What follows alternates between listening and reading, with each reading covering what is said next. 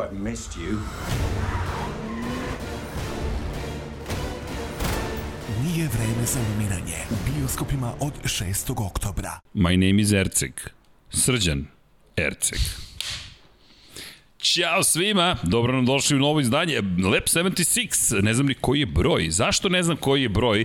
Zato što je toliko rano ovoga jutra, 11 pre podne, da je potpuno zbunjujuća situacija. Najpre, nadam se da ste nam dobro, da uživate u ovom lepom danu da se mazite i pazite, vozite računa jedni u drugima i naravno da ste spremni za novi vikend Formule 1. Tradicionalna postava je ponovo tu, naš član broj 3 koji je negde bio u šumama, planinama i gorama je ponovo sa nama. Gospodin Dejan Potkonjak, gospodin Pavle Živković je sa desne strane, od ovoga jutra popularni Mili i Vanili. Tako su se prozvali i ja ću to da rado ispoštujem, pošto mazite se, pazite se, ali univerzalna poruka. Ali mi smo fake. ne, ne, ne, nema laži, nema prevare. Uživo, ba, ba da, ne radimo uživo danas. Da, za početak nismo uživo, zašto? Pa uživo ekipa je trenutno, nadam se, na uspešnoj pred, pred premijeri e, filma James Bond. Videli ste uvodnu sekvencu i nadam se da ste zadovoljni kako sve to izgleda.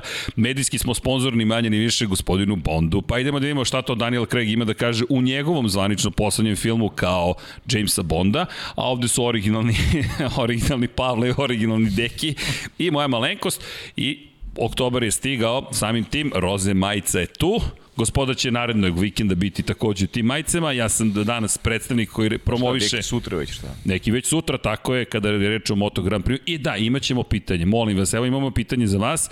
Ja, Vanja, moraš da mi ubaciš onaj mim koji se pojavio kako tretiram pitanje sa četa, kako pitanje sa Patreona, a kako pitanja iz komentara. Mislim da će ti e, gospodin Dom Pablo e, i e, ostatak ekipe poslati to. Tako da stići će ti u svakom slučaju prokomentarisat ću situaciju kada se to pojavi, ali činjenica je da je oktobar stigao, mesec borbe protiv raka dojke i ove majice ćemo nositi, podsjećam svi koji kupite majice roze boje, zapravo pomažete neku dobrotvornu organizaciju ili neku dobrotvornu svrhu sa prihodu toga, prihod koji napravimo, dakle, od svake majice ići će u dobrotvorne svrhe. Prosto to želimo da učinimo, s obzirom na činjenicu da smatramo da to najmanje što možemo da učinimo, ali Kada je reč o oktobru, devojke, pre svega obraćam se vama, molim vas, idite prekontrolišite se, to je najmanje što možete da učinite, imate podršku, ja se nadam, o vašeg okruženja, ukoliko nemate, imate Milija, Vanilija i Silija. Eto, ja sam onaj šašavi. No, u svakom slučaju, u, vidi kadar kako nam se promenio, opa, Vanja, okrenula se kamera. I to uvek kada je neka ozbiljna tema, nešto se desi. Devojke, molim vas, idite proverite se momci, podržite svoje devike, podsjetite ih da je oktobar mesec kada morate da trpite ekipu Lab 76 u roze bojama. Sledećeg meseca trpećete čak i moje brkove, pa ja se nadam da ćete biti zadovoljni time, tada ćemo pričati o vama. Za sada, devojke, povedite računa, roze boja je ta boja koja označava da se borimo svi zajedno, to jest povećamo svest o tome da se treba boriti protiv raka dojke. Trudimo se da to ne radimo samo u oktobru, ali eto, oktobar je mesec kada se fokusiramo posebno na tu situaciju. Stalo nam je do vas, želimo da budete sa nama, tako da ako se rano otkrije nešto, može da se leči. Tako da eto, to je prva i osnovna poruka u oktobru. Kada već pričamo o šopu, nekako se samo namestilo. Imam lepe vesti, ljudi. Imam lepe vesti. Ajde, podeli ih s nam. Shop je live. shop.infinitylighthouse.com Malo smo promenili adresu, gledat ću da redirekciju podesimo na vreme infinitylighthouse.com kroz shop da predirektuje na shop.infinitylighthouse.com Tako da, dakle, god da dolazite, ja mislim da smo pokrili sve države sveta, to je šta nam je sistem dozvolio, to smo ubacili, tako da možete da kupujete i moći ćemo da im isporučimo. Ponovit ću još jednom priču, za sve isporuke van Republike Srbije moramo da ubacimo u kutiju koja ima 450 grama i nažalost to malo povećava troškove, ali nadamo se da ćete imati razumevanja. Dekijeva knjiga vam je na raspolaganju, ovo je direktna promocija, gospodin autor i mnogo je lep osjećaj, moram ti priznati, da gledam knjige, po Twitteru se dele fotografije, Facebooku i tako dalje, mada, po Twitteru, Facebook juče nije radio, tako da... Na šta se mi jedino ne opada? Mnogo knjiga ima ovde. a, pa... Stvarno? Pa, ja, ja ti sam očekivao da će biti za stolom knjige. Moramo komercijalno... Koliko je? Dve nedelje? Dve nedelje je prošlo. Izvinite, Dom Flavio, ja se izvinjam. Ovo je, ovo je... Čekaj, imamo Dom Pablo i Dom Flavija. Da. Šokantno za mene. Da, još nije rasprodata ova serija, ja to zaista... Pa, iskreno ti kažem, ja sam mislio da će to da ode kao alov.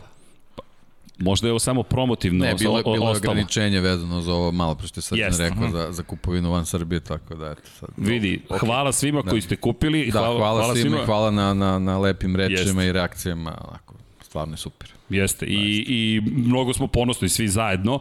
Ne- Neću čak ni da kažem, spremamo još toga. Naravno da spremamo, ko zna šta se sve tu kod Milija, Vanilija i Silija nalazi u glavi, ali mnogo mi zabavno ovo danas. Ovo, ovo će da potraje večeras, ali dobro. Večeras, ja sam već u noći, Vanja je zatamnio prostoriju, popalio reflektor i osjećaj kao da, se, da ste uživo. Podsjećam još jednom, nismo uživo, chat smo aktivirali, to se zove YouTube premijera, tako da možete da časkate između sebe. Potrudit ćemo se. Vanja, si dobio onaj mim? Jel ti poslao Don Pablo? Don Pablo, molim te, mu pošalji mim. Zašto? Vidjet ćete zašto. O, Ponovit ću to i za one na audio platformama. Pošto sam i tu dobio kritiku, ponovo izvinjavam se, zaboravim se šta ćete čovek u godinama. Ej, 45. rođendan mi je sad u petak. Da, znam to. Just saying, samo, samo napominjem. Niš, okay. Ništa ja, samo ovako slučajno usput za napominjem da... Po šifri najbolje znam. Neću da kažem ko je. Ali da. Ne mogu zaboravim nikad i da hoću. E, ne tako, sad će neko da se uluguje u nalog na Formuli 1. Rođen To to. sam. To je to. Kako padaju šifre za, ako vam treba ikad live timing u Formuli 1. Sam si rekao. Da. E, da, On, Vik. da, Vik, možeš i neku tačku da ubaciš kod tih rednih brojeva. Jeste. Jeste, to mi nije palo na pamet, ali da. Nije. Sorry. Dobro, možda promenimo. Uskoro će i rođendan Lab 76, da ne E, zaboravimo da se i ne, to. da se ljudi ne zamaraju, promenili smo već, tako da... ne, ne, ne, ali čekaj, rekao sam, to se ne sme zaboraviti. To se ne sme zaboraviti. to se ne sme zaboraviti. Da, Da. I tako, da, nećemo zaboraviti. Možda šifru zaboravimo, ali to pa ne može nikad više da zaboravi. Ja, ne, ostalo. e, da, imaš, Čak imaš ja, i kotinu. Čak sam ja nešto zapamtio, znaš, čak sam ja nešto, ostalo mi urezano. A, da, da, da. Tako da da, nismo uživali, možete da četujete između sebe, a mi ćemo se potruditi zaista da odgovorimo. Inače, postavili smo, ja se nadam, malo smo zakasnili sa time, ali pitanje na Patreonu, tako da ćemo imati pitanje sa Patreona i to će biti moj odgovor na mim koji je došao. Jedino što Paja nam je nešto u trajnom kadru, pe, permanentni kadar. Da, ne znam Mislim šta da- je nešto, Vanja, ne, ne, Vanja je fokusiran na tebe iz nekog razloga. ne znam. Hvala, Vanja. Izgleda dobro, izgleda dobro izgledamo. E, vidi, izgleda je ujutro neko drugo raspoloženje. Sveži smo još uvek. Da, sve, pa ja sam svež pogotovo, da. E, pa dobro izgledaš. Hvala ti. Da, najmanje što mogu da učinim. dobro da se tako i osjećam. Teška noć. Mislim, e, prenos, e, nešto si radio, preko, radio sam, komentarisao radio si. Da, da, dobro. Da, i tako, krenula je ekipa Lab 76 na neko svoje putešestvije i dalje imam osjećaj kao da smo uživo, tako da ne zamerite ako se budem obraćao kada jeste, prosto to je sve deo zabave Lab 76. Elem, što su se mi ljudi okupili? Okupili smo Pa se... to se vidimo malo, da prođe. Da, da pročeskamo. Jao, imamo savršen poster za tu situaciju. Da ti se dopao poster? Fantastično. Pa, Fantastično. Vanja, molim te, Fenomenalno. ovo je najbolji mogući uvod koji možemo da ja mislim da napravimo ako možeš da nam daš poster. Kada već pričam, pričamo o časkanju, kako možete najbolje da časkate sa drugarima, pa ja bih rekao na način koji ćete uskoro videti. Prosto, Bogdane, hvala ti. Bogdan Brđević je bio raspoložen i I okej, okay, jeste za čašicu, kafice. Ali, sviđa mi se. A, šta kažeš? Tu je i ratluk. Tako je, to, da, sve je Odelo spremno. se računa o detaljima. Svaki Tako je, tako je. Tu je i turska zastava, crvena boja, pogled na prelepi Istanbul. Koga nije posetio toplo preporuka Carski grad. Idite, pun istorije. To je Rim, Istanbul, to su gradovi koji... Još da smo se setili ovde skuvamo po domaću kafu pa da malo gledamo ove, da, da, da tu gledamo Jao, pobednika. da gledamo tražimo. pobednika. Bravo. Čekaj, Ko ima put, ko ima zeku. Novi segment. maštoviti. Novi Bravo, segment, vidim ti Da. kengura. To, to, to. vidim ti kengura. Problem je samo što ja Pobeđuje ne pijem Daniel kafu, ali Ricardo. snašao bi se. Pa ni ja, ali nema veze. Ni ti ja. Eto. Ba ja ću da pijem kafu, nema problema. Ja ih popijem toliko tokom dana, kompenzujem za vas dvojicu, nije ništa strašno. Ali idemo ljudi u Istanbul i tamanje za rahat lokum i za kaficu i da malo popričamo o svemu. I evo ga, Srki, pitanja sa YouTube četa, pitanja sa Patreona i pitanja sa društvenih mreža. Hvala, Đorđe, najmanje što ste mogli da učinite za mene. I opis za one koji su na audio platformama, pošto sam tu takođe dobio kritiku. O, pogledaj ne vidimo slike na audio platformama. Serce, ne vidimo slike. Vaši, Važi.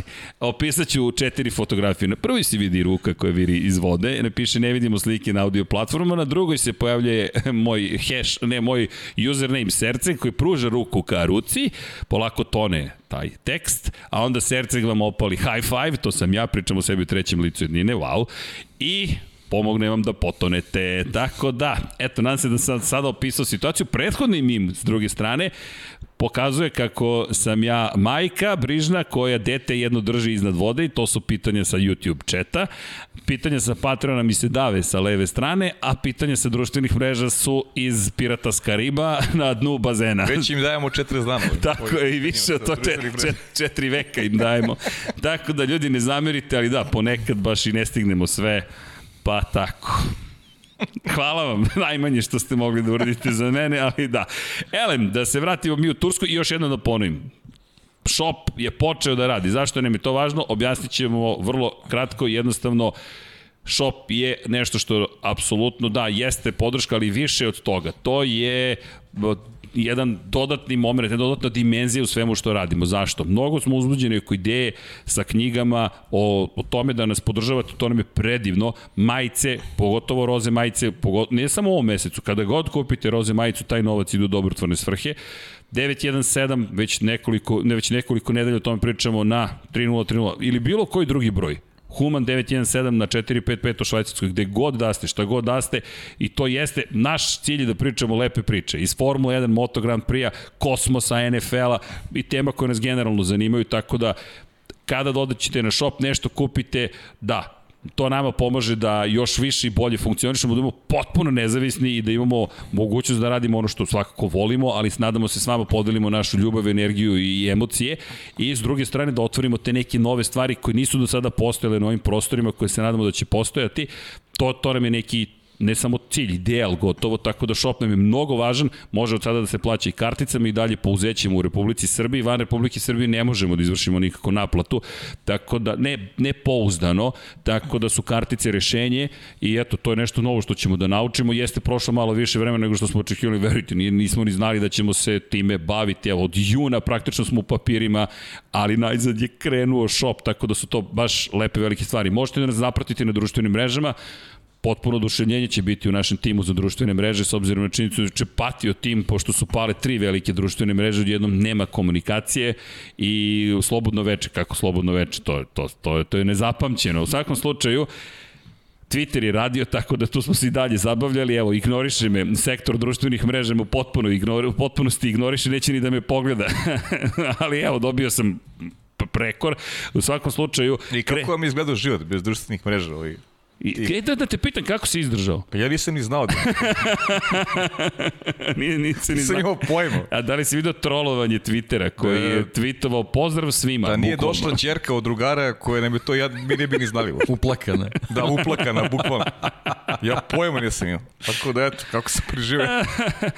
da. Da, pale su društvene mreže, ali to je ekipa Lab 76 i Vanja, da se zahvalimo ljudima koje, čije poruke ignorišem.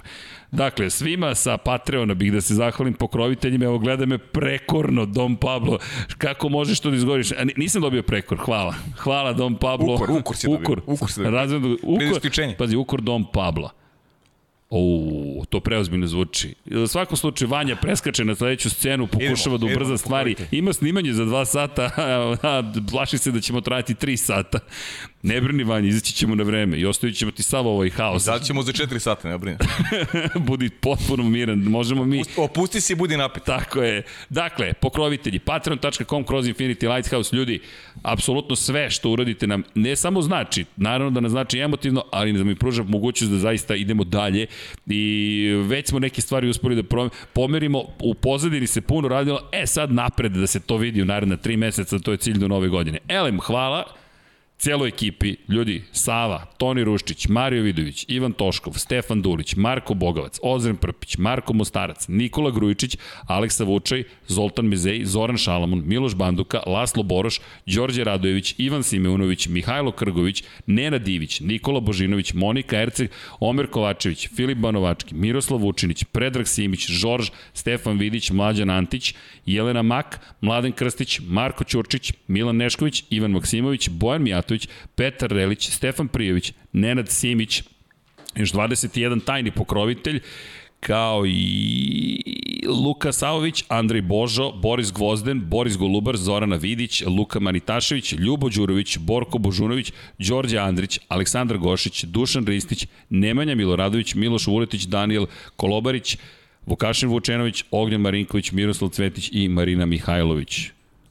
Wow. I dalje Impresivno. impresivno zaista. Potpuno je i i, i nama neverovatno. Nema šta i da Nismo kaže. lažno skromni, verujte, ali ovo je da se osjetite poniznim prosto i zahvalnim za sve što ste uradili. Mi se nadamo da vam je zaista i zabavno i lepo i dobijamo dosta dobrih, po... dobrih, ne, to nije adekvatna reč, prelepih poruka, e, preemotivnih i tako. Ali pošto sam ja zapravo ovde najstidljiviji, sad ćemo da pređemo na one glavne teme koja da. se zove Formula 1 i da nastavimo sa ovom sezonom, ali još jednom hvala i da nastavimo sa sezonu, da najavimo zapravo sezonu, iako Deki, da, Deki ima super predlog, pa molim vas, u komentarima nam dajte informaciju da li, da li biste prihvatili da malo uh, imamo rotirajuće predsedništvo između MotoGP i Formula 1. Sistem Naprimer, rotacije. Sistem rotacije. Imali smo Formulu 1 pre 10 dana, najavljujemo trku, da li vam je ok da, na primjer, Lab 76 posvećen Moto Grand Prix bude u utorak, kada je samo trkački vikend Moto Grand Prix-a, pošto to je ono što se desilo pre manje od dva dana i tako bilo uzbudljivo da prenesemo tu energiju, tu vatru koja se desila, a onda u sredu da najavimo Formulu 1. Kada su takvi vikendi? Kada je Formula 1 imala svoj vikend, ostaje utorkom, a sredom Moto Grand Prix. I obrnuto, kada je Moto Grand Prix na pauzi, Formula 1 imala trku, ostaje utorak, sreda je Moto Grand Prix, to je to. Nadam se da sam to dobro objasnio. Eto, da. ostavite da. nam komentare. Pišite. Pročitat Nama se sviđa deki je predlog. Da, zvuči da, nam razumno, razumno prosto. potpuno, pa eto, Tako. razmotrite ga, pa, pa čujemo i vas. Tako je. Elem, da čujemo sada i vas dvojicu, gospodo. Formula 1 stiže u Tursku, druga trka u dve godine velika nagrada Turske i iako ćemo biti na azijskoj strani, Ne, i na azijskoj smo strani. Završili smo s Evropom. Gledat ćemo Evropu tamo preko puta, preko Bosfora, ali činjenice da smo napustili Evropu i da krećemo u turneju koja će se završiti u Abu Dabiju. Za početak, Katar je potvrđen kao trka koja će biti pa, održana. To je najvažnija vest u suštini. To je tako je, za ovih 10 dana. Da. Idemo na stazu koju poznamo iz Moto Grand Prix-a, ali prvi put trka Formula 1 na stazi Losail u Dohi, to je pokraj Dohe i desetogodišnji ugovor je potpisan, to je, to je ono što je iznenađenje, kada bolje razmislimo ne tako veliko, ali nismo da. baš očekivali da će uspeti da dobiju Formula 1 na 10 godina. Meni je zanimljiv bio komentar Alana Prosta. Ta, da, da Pajen komentar je adekvatan. Ako možeš da pa... Da. Uspeli se. A, pa ja ću citirati Alana Prosta ili parafrazirati četvorostrukog svetskog šampiona, jednog od čelnih ljudi Alpine. Rekao je, mi smo izgubili sponzorstva duvanske i alkoholne industrije i samim tim moramo da imamo što više trka u šampionatu sveta zanimljivo razmišljanje. Nisam baš siguran da zbog toga organizujemo šampionat sveta Formula 1, ali možda nisam dobio taj dopis. U svakom slučaju dosta je jasno postavio profesor stvari da ne uvijamo previše reči. Kad to kaže četvorostruki svetski šampion, ljudi mislim su stvari dosta jasne. Što nije kritika Kateru, samo konstatujem da je ugovor potpisan na 10 godina i da je to rešeno praktično. Bliski istok postoje sada vrlo ozbiljno, pa možemo reći, kod, nije sedište, ali ozbiljna tačka kada je reč o Formuli 1. Pa da, osim iz ugla posmatrača ko bi volili uživo da gledaju trku. To je malo diskutabilno i u ovom periodu se možda o tome i ne razmišlja, ali kad Očigledno dođe vreme za, za gledalce na stazi, mislim da će to biti jedan od minusa. 8000 gledalaca može da stane na stazu u, u Kataru, ponovit ću 8000 poređenja radi, mi imamo trke na koje gledamo 100.000 gledalaca, u Americi kada je loš dan u Indianapolisu to je preko 150.000 ljudi, sada ćemo imati trku na kojoj maksimalno 8.000 gledalaca, ja u Moto Grand Prix mislim da nikada nisam više, više video, video više od 2.500 mislim da je to maksimum, 2000 i to su prijatelji, poznanici, turisti, rođaci, oni koji su bukvalno dobili karte Katar je uvek potpuno prazan. Oni koji organizuju ne žele da zavise od toga koliko će ulaznice biti prodato, oni su to kompenzovali time što su potpisali desetogodišnji ugovor i ne mare za to. Da će biti 8000, što se njih tiče možda bude i 2000. A organizator je kompenzovao sa 23 trke u kalendaru i Tako, to je to. To je to, pa da. I možemo ceo slučaj da stavimo suštinski ad acta. da. Jednostavno, zna se. Čitao situacija sa, sa, sa pandemijom im je bila super eksperiment da vide u praksi kako to izgleda i verovatno im se svideo taj koncept bez ljudi u padoku, bez onako, ne znam, ja, bez nekih emocija, sa prilično sintetike oko svega i eto, ok, ako njima to odgovara, onda vidjet ćemo kako će to da izgleda. Ali meni generalno ne. Ba da, pa dobro, niko. To je pa neki smer Formula 1 koji pravimo te paralele sa Moto Grand Prix. To je hajde da ne citiram, sad nemam dozvolu čoveka, ali u razgovoru sa čovekom koji gravitira i u Formuli 1 i u Moto Grand Prix i koji posećuje jedan i drugi padok zonu, njegov komentar je bio, to najčešće se spominje Barcelona, pošto je Barcelona jedna od redkih staza gde se susrećemo i Moto Grand Prix i Formula 1 svetovi i prosto je rekao, srđane, dobro, na engleskom, ali kaže, kada sam bio ovde na Formuli 1, nigde nikoga u padoku. Nigde nikoga u padoku i 60.000 gledalaca. To često spomenjam, ali to mi zaista najslikovitiji primjer. 88.000 ljudi je bilo te godine za trku Moto Grand Prix-a, padok je bio dupke pun. Kada kažem dupke pun, to je padok, to je ta živost, to je ta konačno Casey Stoner, ako se vratimo 9 godina nazad, dvostruki šampion sveta u Moto Grand Prix, jedan od razloga, jedan od kapisli da ode iz šampionata je bio što su zabranili vozačima Moto 2 i Moto 3 kategorije sa svojim kamp prikolicama da ulaze u zonu. I to je sada samo za Moto Grand Prix vozače. Rekao je taj šampionat onda samim tim gubi dušu i to ono što jeste problematično. Sama staza kao staza, sve je okej, okay, još jedna staza, ali nije pojenta u stazi, pojenta je u svemu onome što se događa. Konačno, ako se vratimo samo malo unazad u Moncu, i taj eksperiment sa sprint trkama. Inače, pozdrav Deniju Jankoviću, sretoh ga malo pre na ulici, gospodin Deni Janković, i koji je prokomentarišao, pita me šta misliš o Stefanu Domenikalu i ideji da imamo trećinu trka u sprint formatu, samo bih se vratio na Moncu, prazna Monca nije Monca. To nije to, to jeste i dalje staza kraljice brzine, ali treba nam puna Monca, potrebne su nam pune tribine. U Silverstonu smo videli da eksperiment uspe i mislim da on me potakao na jednu savršenu misiju. Zajedno smo došli do, do Denija, do jednog zaključka. To je, sprint trke treba da se organizuju tamo gde organizatorima koji zavise od prodaje ulaznica mogu da privuku pažnju gledalaca i petkom i subotom i nedeljom. Jer ukoliko dođemo na stazu gde nema žive duše petkom uveče, to meni zaista izgleda kao trening Formule 2, a ne kvalif kvalifikacije Formule 1. I to tako ne bi trebalo da bude. To se ne radi, da samog sebe parafraziram. I zaista mislim da to ne treba tako da bude. I ovo jeste važna tema. Katar, ok, znamo gde će se održati trka ove godine. To će biti sad ozbiljne pripreme da se vidi kakva je staza. I ima naravno još jedno veliko pitanje za sve ljubitelje Moto Grand Prix, šta će biti sa tom stazom.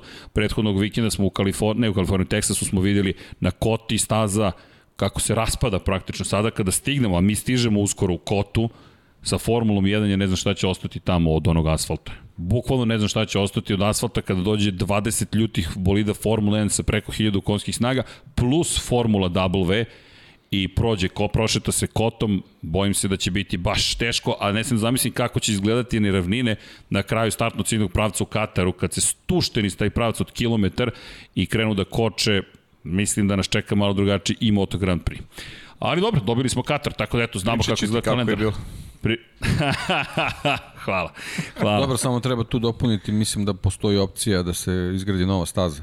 Da, Oni da, da, su uzeli, da, da. uzeli su pauzu zbog svetskog prvenstva u futbolu. 2022. Tako da u principu za to vreme naravno tamo gde ima novca to je to je moguće realizovati možda dobijemo i, i, i novu stazu što bi eto bilo ovaj pre svega pozitivno zbog Moto Grand Prix upravo iz razloga koje, koje je Srđan nave. Ako se ta staza upropasti sa, sa bolidima, dobit ćemo u Kataru u Moto Grand Prix situaciju kao što smo imali u, u, u, u Ostinu. Mm.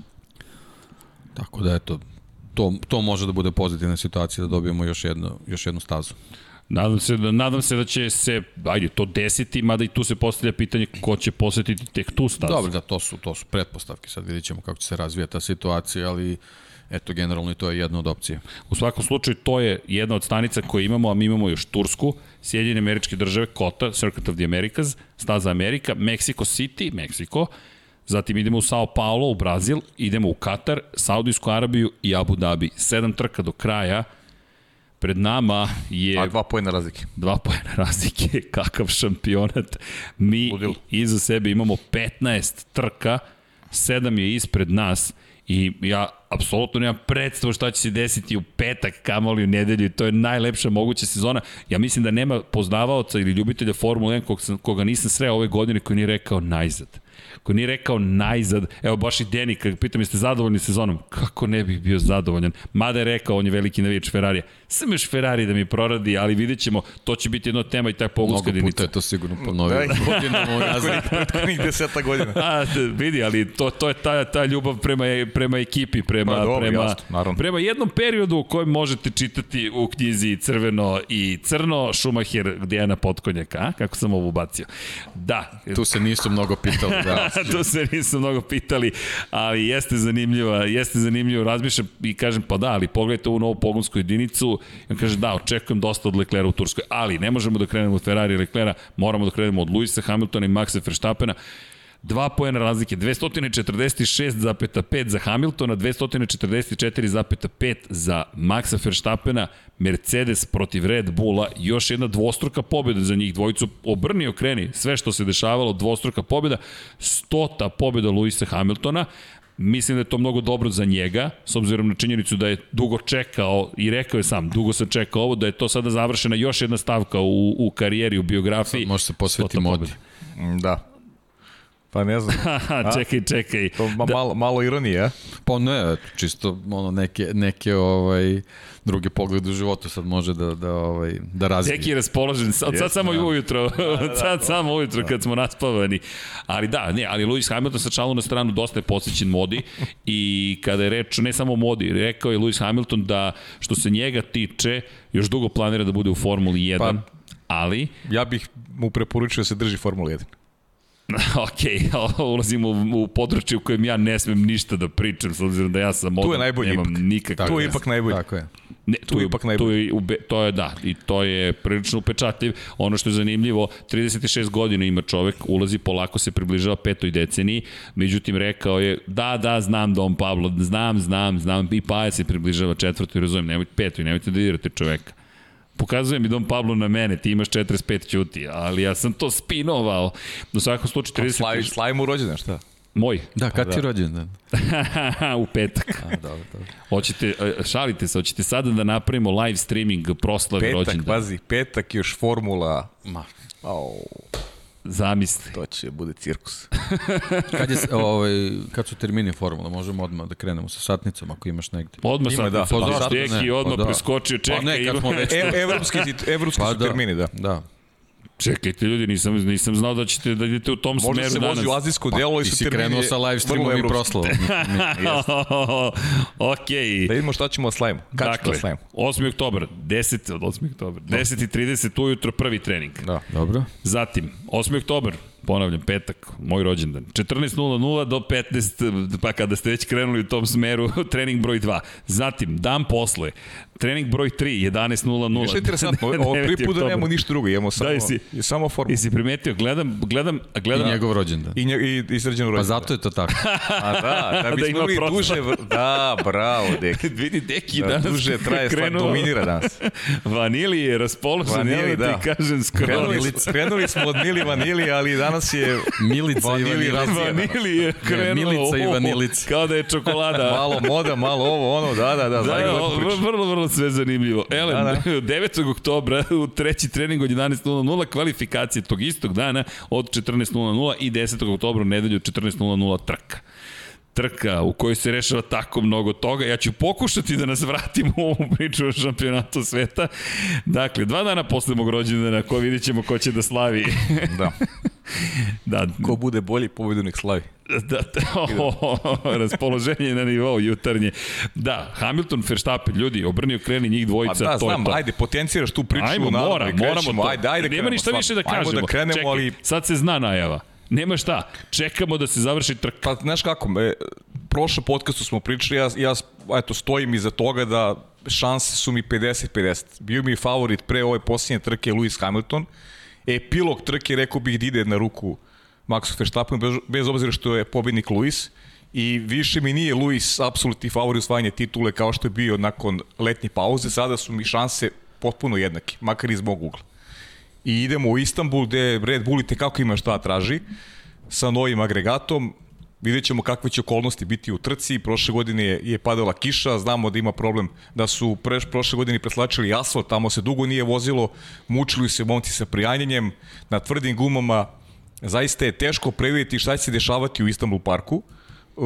Nakon što je Mercedes zaista odlično otvorio drugi deo sezone, imali smo i par tih konfliktnih situacija na stazi i očekujem da se možda tako nešto ponovi ovog puta. Opet će, mislim, biti glavni protagonisti Luis i, i, i Max i ne bi čulo da ponovo dobijemo neki, neki incident na stazi, jer ulog je ogroman, sigurno osjećaju tenziju obojca, bez ozira što je Luis ima mnogo više iskustva, što je veliki šampion, ali tenzija je kada, kada se boriš za takav ulog, naravno da osjećaš da nemaš lagodan osjećaj prije im obojci se bore za najveći ulog, ali drugačije, drugačije rezervuješ kada znaš da je svaka trka važna, da je svaki poen važan i, i s tim u vezi očekujem super zabavu u Istanbul parku, svi mi koji to gledamo onako iz neutralnog ugla, e, želimo da ponovo prisustimo u jednom, jednom spektaklu i, i ne sumnjam da će se to i dogoditi. Jedva čekam da počnu treninzi, kvalifikacije, trka, sjajna sezona, ne, nema, šta se doda. Izdvojio bih tri stvari. Prva stvar, standardno, pritisak, ko, šta, kome, kako, koliko, koga podnosi, ne podnosi, ima tu zanimljivih priča. Druga stvar, vremenski uslovi. Odmah da kažem, najava trenutne meteorologa utorak je da će biti suvo i u petak i u Da, subotu. to menja, to popuno menja pogled na ono smo gledali prošle godine. Druga trka. A nemamo neki drugi uzorak kad se posljednji put 2010. se vozilo, 2011. se vozilo. Tu 2011. 2011. poslednja trka koju smo imali po suvom je vožena Jeste. u gotovo idealnim uslovima. Da, bit će niže temperature, ali trenutno 21 stepen spoljna To je bila vaša temperatura. prva trka? Ili? Tako je. Jeste. Pamtimo našu šutite? prvu trku. Da nećemo se hvalim. A, ne, ne, vidi, toliko puta sam ponovio da sam Davno- pomislio da li to ponovo da... davno ne, ali, beše, deki. Ček. Pa i nije tako Pazi, da. proslavljate, 2011. proslavljate praktično 10 godišnjicu i njegov rođendan. U isto Da. vikend. O, Zamisli. pa šta to znači? Ne znam, ka, morat ćemo da imamo ne u kabini neke dodatke. U kabini Slavljenički, ili u studiju? slavljenički. Čekaj, 99 yardi radimo to veče, je li tako? Pa da dođete pre 99 yardi i da kažemo, ok, slavimo rođendan. Gleda me Don Pablo, šta pričaš čoveče, zašto uopšte pričaš? Pa neko me stavio ovde u ovu stolicu i dao mi mikrofon, ali... Sam sam se stavio. Vanja, Vanja, Vanja je naš. Vanja. Pa da, pa da dosoli, da, da dosoli. Čekaj, pa ako je vanila Mili krenula vanili ovako, šta je Vanja? Šta je Vanja? Vanja, Vanja je, neka malaga. Ne, mora se rimuje nešto. Mora vanila i Mili vanili, mili vanili, ja sam onaj sili, blesavi i imamo... Nemojte da insistirate, ajmo dalje. Ajmo dalje, da, Pusti. treba potreći. Nemojte, nemojte. ajde Vanja treba snima i posle nešto, ajde, nemoj da, da, da Pa, ulazimo hoće da me troluje. u... A.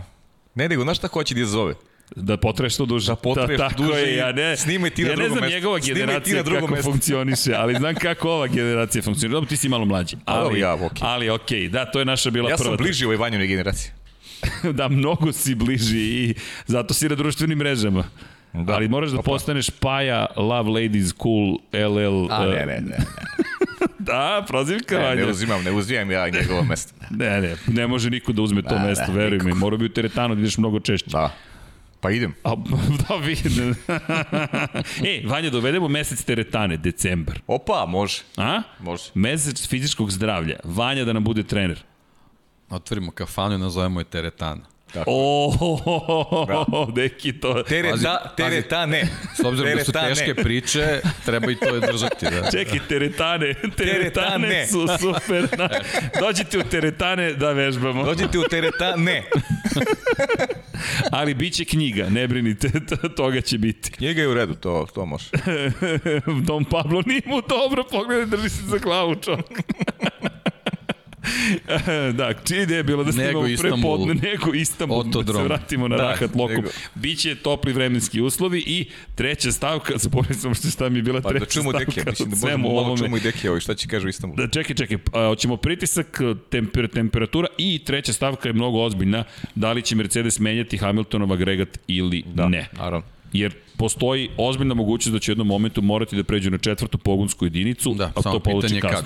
Tako je. Ja više to moraju da uradi. Pročitali smo koje su staze, podsjećam, Turska, Amerika, Meksiko, Brazil, Katar, Saudijska Arabija, Abu Dhabi. Gde menjati i gde povući potez sa Bottasom su mirni, imaju dva nova motora, Max Verstappen je promenio motor na prethodnoj trci, prošao drugi kroz cilj za njega, fantastičan uspeh sa začelja i sada Lewis Hamilton. Gde menjati? Koja staza ovde ti daje najviše šansi? Da. Uh, Turska? tri staze koje slede su staze sa dugačkim brzim pravcima. Tako da možda to može da bude ovaj neki, neki prelomni faktor. Sad je samo pitanje uh, uh, stanje ovog agregata. To naravno mi ne, ne možemo da, da znamo.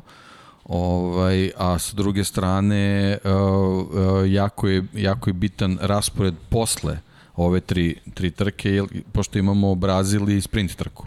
Uh -huh, Tako da. da, to je to je možda neki faktor koji nije baš povoljan što se tiče Mercedesa i, i mislim da bi trebali pre pre toga da, da reše posebno što, što će od ove trke značiti dosta toga vezano za, za generalni plasman, ali mislim da ovo možda nije mesto gde će to uraditi.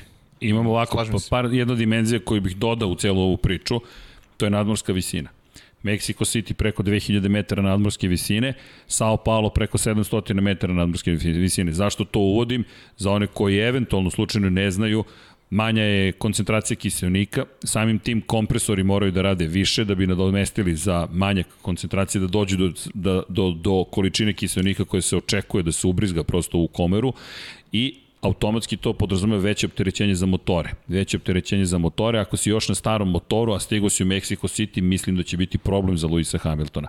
Tako da mislim da postoji linija koju... Da je Texas tako je, prilika. Da, mislim da da prosto ne može da sačeka Mexico City, da je tu prevelik rizik za te motore. To je, to je faktor koji, o kojem niko, mislim, nisam nigde pročitao da neko razmišlja o tome, ali mislim da o tome moramo da razmišljamo. Pa dobro, da, ovo je samo eto, neka, neka pretpostavka, pretpostavka. što kažem, mi ne znamo trenutno stanje ovog da, usovog agregata, ali jednostavno dotrajao je. Generalno je za zamen. Christian Horner, šef Red Bulla, je rekao da je njegovo mišljenje da to moraju da učini. Zašto gledaju kupce korisnike Mercedesovih motora koji su svi zapravo morali da menjaju neke delovi koji imaju problema sa pouzdanošću i prosto Red Bull veruje da će samim tim Mercedes to morati da učini. Šta Mercedes može da uradi da se zaštiti, da smanji snagu tog motora. Smanjuješ snagu motora u momentu kada se boriš za titul. Pa da, ma to nema, ne. Pa ne, ali to je ona osnovna stvar koju pričali smo o tome, eh, jer ti, oni moraju da, da preuzmu eh, tu vrstu rizika, ajde kažem, na sebe, zato što uh, u kontra nekoj priči mogli bi da dožive krah na dve trke, a to je automatski gubljenje titula. Da, da. Jer ti ako dozvoliš sebi da ti motor strada, menjat ćeš ga na sledećoj trci, ti imaš dve trke gde si u nepovoljnoj poziciji u odnosu na Maxa Verstappena i to je, i to je suština cele priče. Sad je samo pitanje momenta kad Mercedes će to raditi sigurno, to, to neminovno da se tako nešto dogodi, samo moraju da se beru tajming. Slažem se negde s tobom da je Amerika možda i najbolja najbolja opcija. Mislim, za, za mene bi bilo iznenađenje da, da, da, da, se, Turskoj, da se uradi u Turskoj, ali nije, Jeste. nije nemoguće. Nije nemoguće, nije pa da. nemoguće, da. da. Nije nemoguće. Jednostavno, eto, i sa ovim što je, što je Srđan naveo, nekako se Amerika ovaj, otvara kao, kao najreal, najrealnija pozicija, ali vidjet ćemo. Vidjet ćemo. Red Bull je definitivno, da, tako je. Pravca. Uh, Red Bull je definitivno sad u, u, u dobroj situaciji, nekako bezbolno je Pa Mislim, imali su naj, sreće. Najviše moguće imali su, sreće, su iskoristili da, iz čitave priče da. u, u, u Rusiji ovaj, i ono što se ti rekao, ide, ide Turska koja u principu može da, da, im, da im bude dobra trka, tako da mislim da, da u trenutnoj situaciji, situaciji da je Red Bull, to jest Max Verstappen, za nijansu u boljoj, boljoj poziciji od, od Luisa Hamiltona pred, pred ovaj da. trkački vikend. Yes. Kada pogledamo Tursku i konfiguraciju staze, hoćemo da vozimo možda? Ne znam da li imamo vremena. Sad. Ne, mislim da, da nemamo vremena. Da. To ćemo ostati dužni. O, sledeće nedelje, kaže, Vanja me pogledao, analizirat ćemo. I još 45 minuta, pa, samo me pa, pogledao, to je. oh, lepo, pa čak... da, bolje, stvarno, on, ono noću se. i uživo i lepše. Zabavno je, zabavno. Zabavnije i, da. Zabavno da se imamo, imamo, malo, a imamo više čekaj, vremena. Jel nam stigao Mortal Kombat, Vanja? Da, da, da, dobro, to ćemo da streamujemo ovih dana interni fight, ko je bolji u Mortal Kombatu. Pa ko voli, ne zamerite na ovom kanalu, biće i takvih nekih čudnih situacija. Twitch će verovatno tu biti glavni, ali polako. Elem, Istanbul Park, od krivine 10 do krivine 12 i ona čuvena 11. krivina. Nisam siguran da je ovo mesto gde treba da promeniš motor i koliko god delovalo kao dobra pozicija za napad, jednostavniji je Texas, ali to je samo naša pretpostavka, kao što smo rekli, ne znamo sve detalje. Kada pogledate stazu, staza je zanimljiva. Mnogo, krivina broj 8 jedna od najlepših u kalendaru. Još uvek se zove krivina broj 8, naravno ukoliko ih ne prebroje ili ne razbroje drugačije. Ne znam da ste videli, u Teksasu su krivinu, ako pogledate krivinu 8 u, u Istanbulu, jedno, drugo, treće, četvrto temi krivine. Spektakularna je krivina u pitanju. Inače, jedan od naših drugara, Dule, kada je bio prvi put u Istanbulu, otišao i rekao, ja seo tamo u krivinu 8, čisto da vidim kako to izgleda. I mislim sad, dugo nije bio na Formula 1. Pa kao, okej, okay, nema, nema tu što da me impresioniram, mnogo voli MotoGP. Kaže, Srki, kad su se otvorili ventili tamo na dodavanju gasa, pa meni nije bilo dobro. To je bukvalno kaže plombe ispadaju.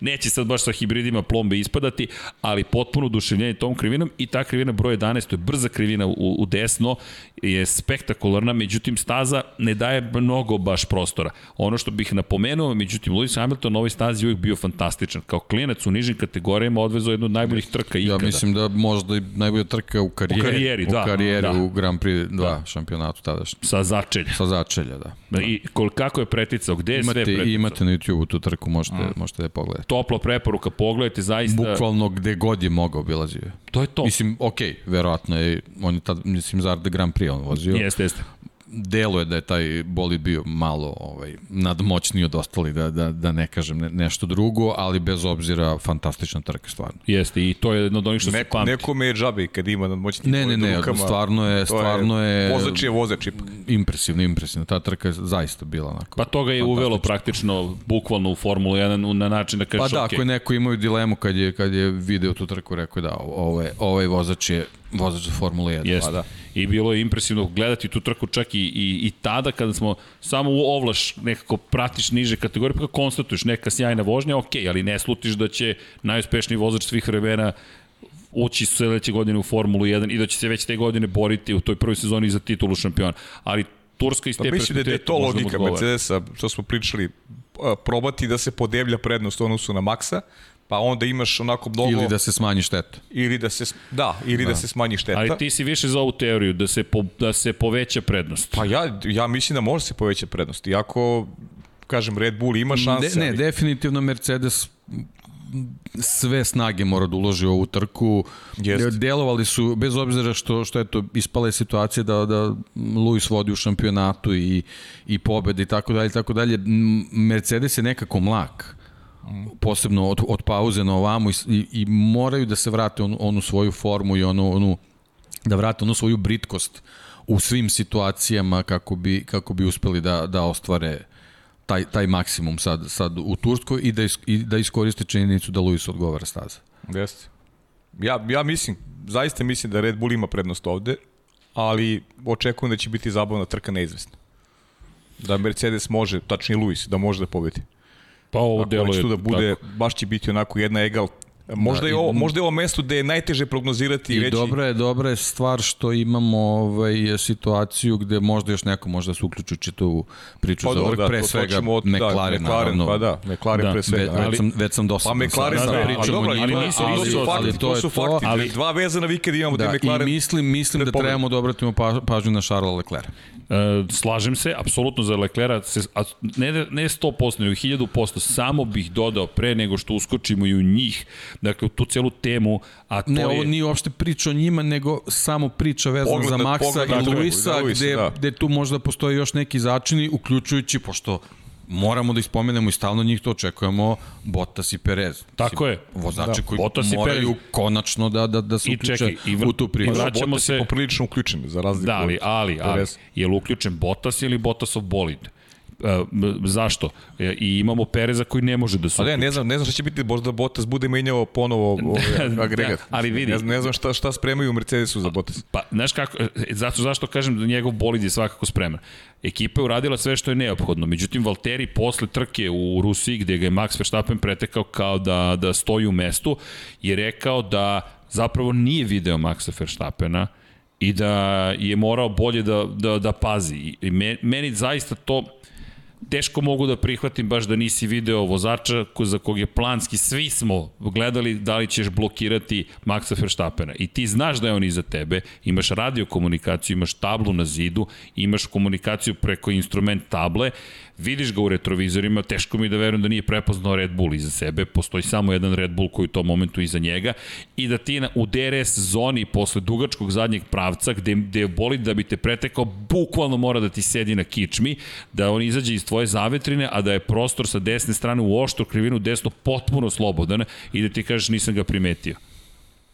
Ljudi, meni je to kao da je poruka ok, Baš me briga. baš me briga. Neću da odmognem ekipi, ali neću da pomognem. setiš njegovog duela sa Kimim Raikkonenom na, na istom U mestu. isto u krivini 4 gde su otpadali delovi, gde su obojice na kraju imali šta, nezavršenu trku u Williamsu dok je još bio i ti sad kažeš me- meni je to samo poruka ekipi Mercedesa, ne, ovo nije okej. Okay. Okay. Da. I on je rekao, on sad ne ne krije. E, na pitanje da li imaš mogućnost da se boriš za pobede, rekao je, ne znam, pitajte Tota Wolfa. Ukoliko mi ekipa kaže da ne smem, ne smem.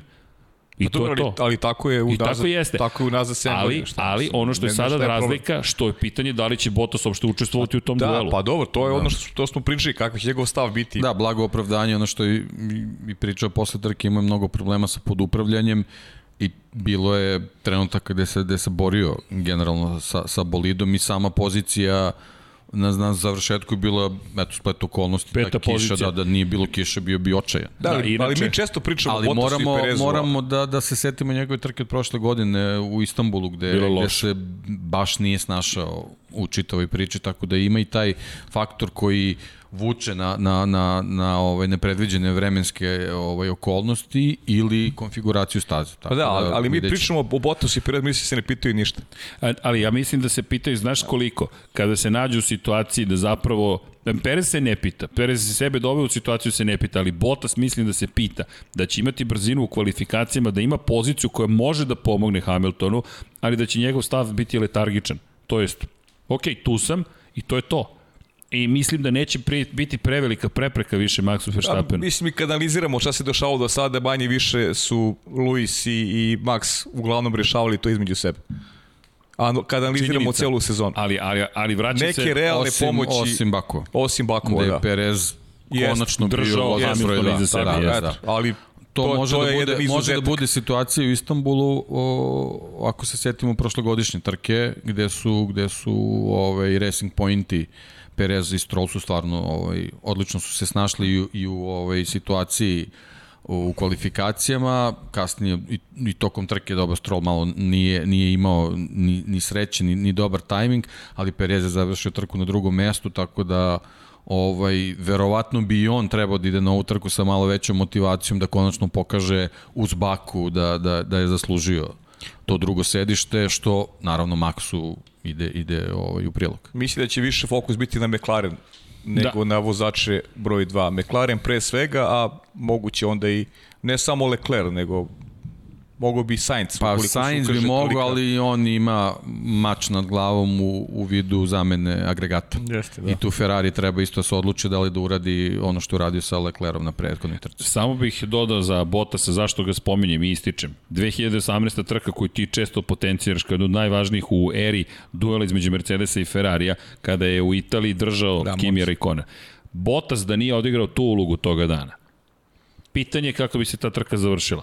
Jer mi pričamo o stazi na kojoj je dosta teško preticati ukoliko ti bilo ko pobegne, to smo videli sa Danielom Ricardom. Kimi Raikkonen je bio u sandviču. Bottas je na prvoj poziciji pre promene guma usporava Raikkonena. Raikkonen posle toga gubi poziciju. Hamilton sjajno Slažem odvezao. se s tobom, Srki, ali ne može ni Bottas uvek da uradi ulogu kako mali Perica zamišlja, znaš. Nije to uvek tako jednostavno uraditi. Slažem Izboriti se. se. sa Maxom ili opet Serhija Pereza da se izbori sa Luisom Hamiltonom. Ne može to svaki dan. Znam, ali samo zamisli da je... Ipak da su ova dvojica Jeste, onako, ne, to ne pričam, sebe. ne pričam o tome. Pričam ti o tome, potrošiš krug 2, 3 više, Maxu Verstappenu ili obrnuto, Perez potroši krug 2, 3 više Hamilton, zašto ni ne pričamo o Perezu?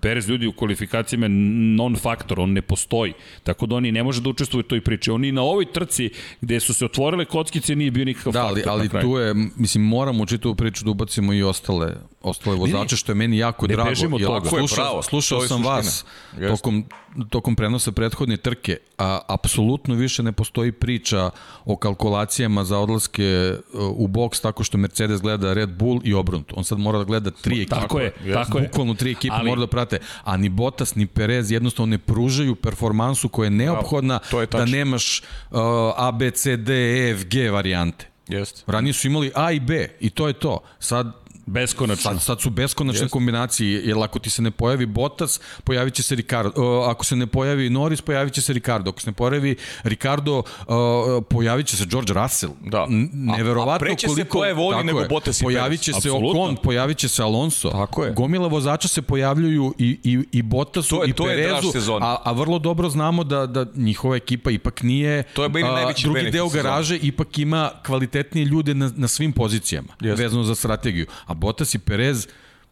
pre svega zbog svojih vozačkih kvaliteta nisu na nivou Maxa i Hamiltona, Jeste. možemo otvoreno da kažemo, s druge Tako je. strane njihova ekipa nije na tom nivou i oni bukvalno moraju da rade između osloga ono što im kaže tim vezan za Hamiltona ili Maxa. Ljudi, uh, mislim da ova sezona postaje možda i najbolja svih vremena. Pa ne, Zašto? postaje onako kako treba da bude. Tako je. Samo bih se vratio malo u prošlost. Poredimo često sa 1988. i duelima između Ayrtona Sene i Alana Prosta. I ta čuvena njihova godina u Ti si McLarenu. imao duel 1 na 1. Tako je, jedan na jedan. A sada ti imaš duel, jedan na jedan, dva velika vozača, jednog velikog šampiona i nekoga ko želi da postane šampion i razvoj ekipa koje mogu da ih ugroze. Meni je to. to dodatna dimenzija, ono što si rekao, draž. Ovo je dodatna draž. Meni je to benefit najveće sezone, jer ti... Fenomenalno. Mi smo negdje znali pre početka, to je to, Lewis Hamilton, Max Verstappen. Nismo se nadali, ni slutite će biti toliko izjednačeno. Ali razvoj drugih ekipa, McLarena. Mekla, čekaj, McLaren je pobedio posljednje dve E, trke. McLaren je U osvojio direktnom trkanju je pobedio I posljednje dve osvojio trke. pole Pobedio. Da poziciju. nije bilo kiše, pobedio bi McLaren. i osvojio pol I osvojio poziciju. pol poziciju. Osvojio pol I ima poziciju. jedno drugo mesto u kvalifikacijama. Ricardo. Tako je. I bio Imaš- sjajan u imaš- sprint trci. Sjajno. I najbrži krug trke u Monci. Ricardo koji je rekao umeđu vremenu zašto sam odvezao najbrži krug trke u poslednjem krugu. Hteo sam svima da pokažem da ja još uvek to mogu da uradim i da potpunosti kontrolišem trku i da je to moj izbor kada ću da postavim najbrži krug. Ljudi, McLaren će se u Turskoj pitati. Ali, ali izvini, ko je to mogao da izjavi do sada osim Hamiltona, Mercedesa i, i Verstappena i Red Bulla? Poslednji čovek koji je radio takve stvari u Red Bullu je bio Sebastian Vettel, koji je svoje četiri titule šampiona sveta sa tom ekipom. Setite se čuvenih poruka, kad se Horner uključi, uključi kaže Sebastiane, šta radiš? A ovaj, iako tada ni najbrži, nisi dobio poen za najbrži krug, u poslednjim krugom je vozi najbrže krugove. I Ima pobedu u rukama.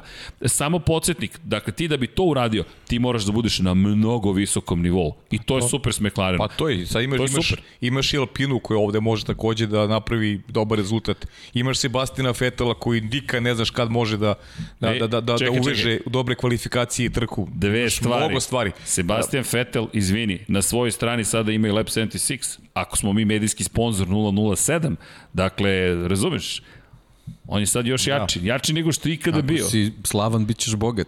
Znaš, to je sve povezano. Tako da... Sjajno. A, Mr. Tako da ne Vanili. znam- ne znam šta radimo e, ako ovde. nećemo Vanili je napraviti danas- majicu u Vanili. Ako kaniš pobediti, ne smiješ izgubiti. me, to je, je. to, da. A, Aplauz. Deki, deki. de, Vanili, vanili. Vanili. E, znaš šta, sledeću knjigu kad objavi, Dejan Vanili Potkonjak. Sjajno. Reci Vanja, pa bolje da zakasni sledeći podcast kad je ovako zabavan. Pa, Bolje da ne dolaze. Bolje da ne dolazi. Koliko Ko smo? Minus 60, ili Ko, tako? ko snima? Spotlight. Ma Igor je drugar, šta ti, sad ćemo joj kažemo. Pusti to priču. Dođi sutra, dođi Do- juče. Ne, a Igor će da dođe ranije i onda će da zatekne nas i bit će šta je ovo. Pa kako, ušli ste u moj termin. Ko su ovi, ko su ovi od... Ko su ovi ovde? A onda ćemo kažemo, nisi se subscribe-ovo. da. O, nisam to re... Vanja. Je Kaj, ništa, mogu, ono, ispočetka. Ispočetka snime, gasi snime. Gasli, gasli, gasli, idemo iz početka. Nemoj da ga brineš, nije idemo- dobro. Pokušava da se smeje, ali evo, evo, gasi ga. Možeš da gasiš do sutra, Ne, mi gasi, odavno gasi. nećemo. Gasli, gasli. gasli, gasli, Gasli, gasli idemo iz- se čuo. Ali, Vanja, Udrite like, udrite subscribe, tu je negde dugme. Gde god daje, udrite ga. Like, like, like, like, like, like, like. Zašto? Zbog Milija i Vanilija. Zbog Milice i Vanilice. Ivan Ilica. Au, ovo je neki after, after, after, aftera.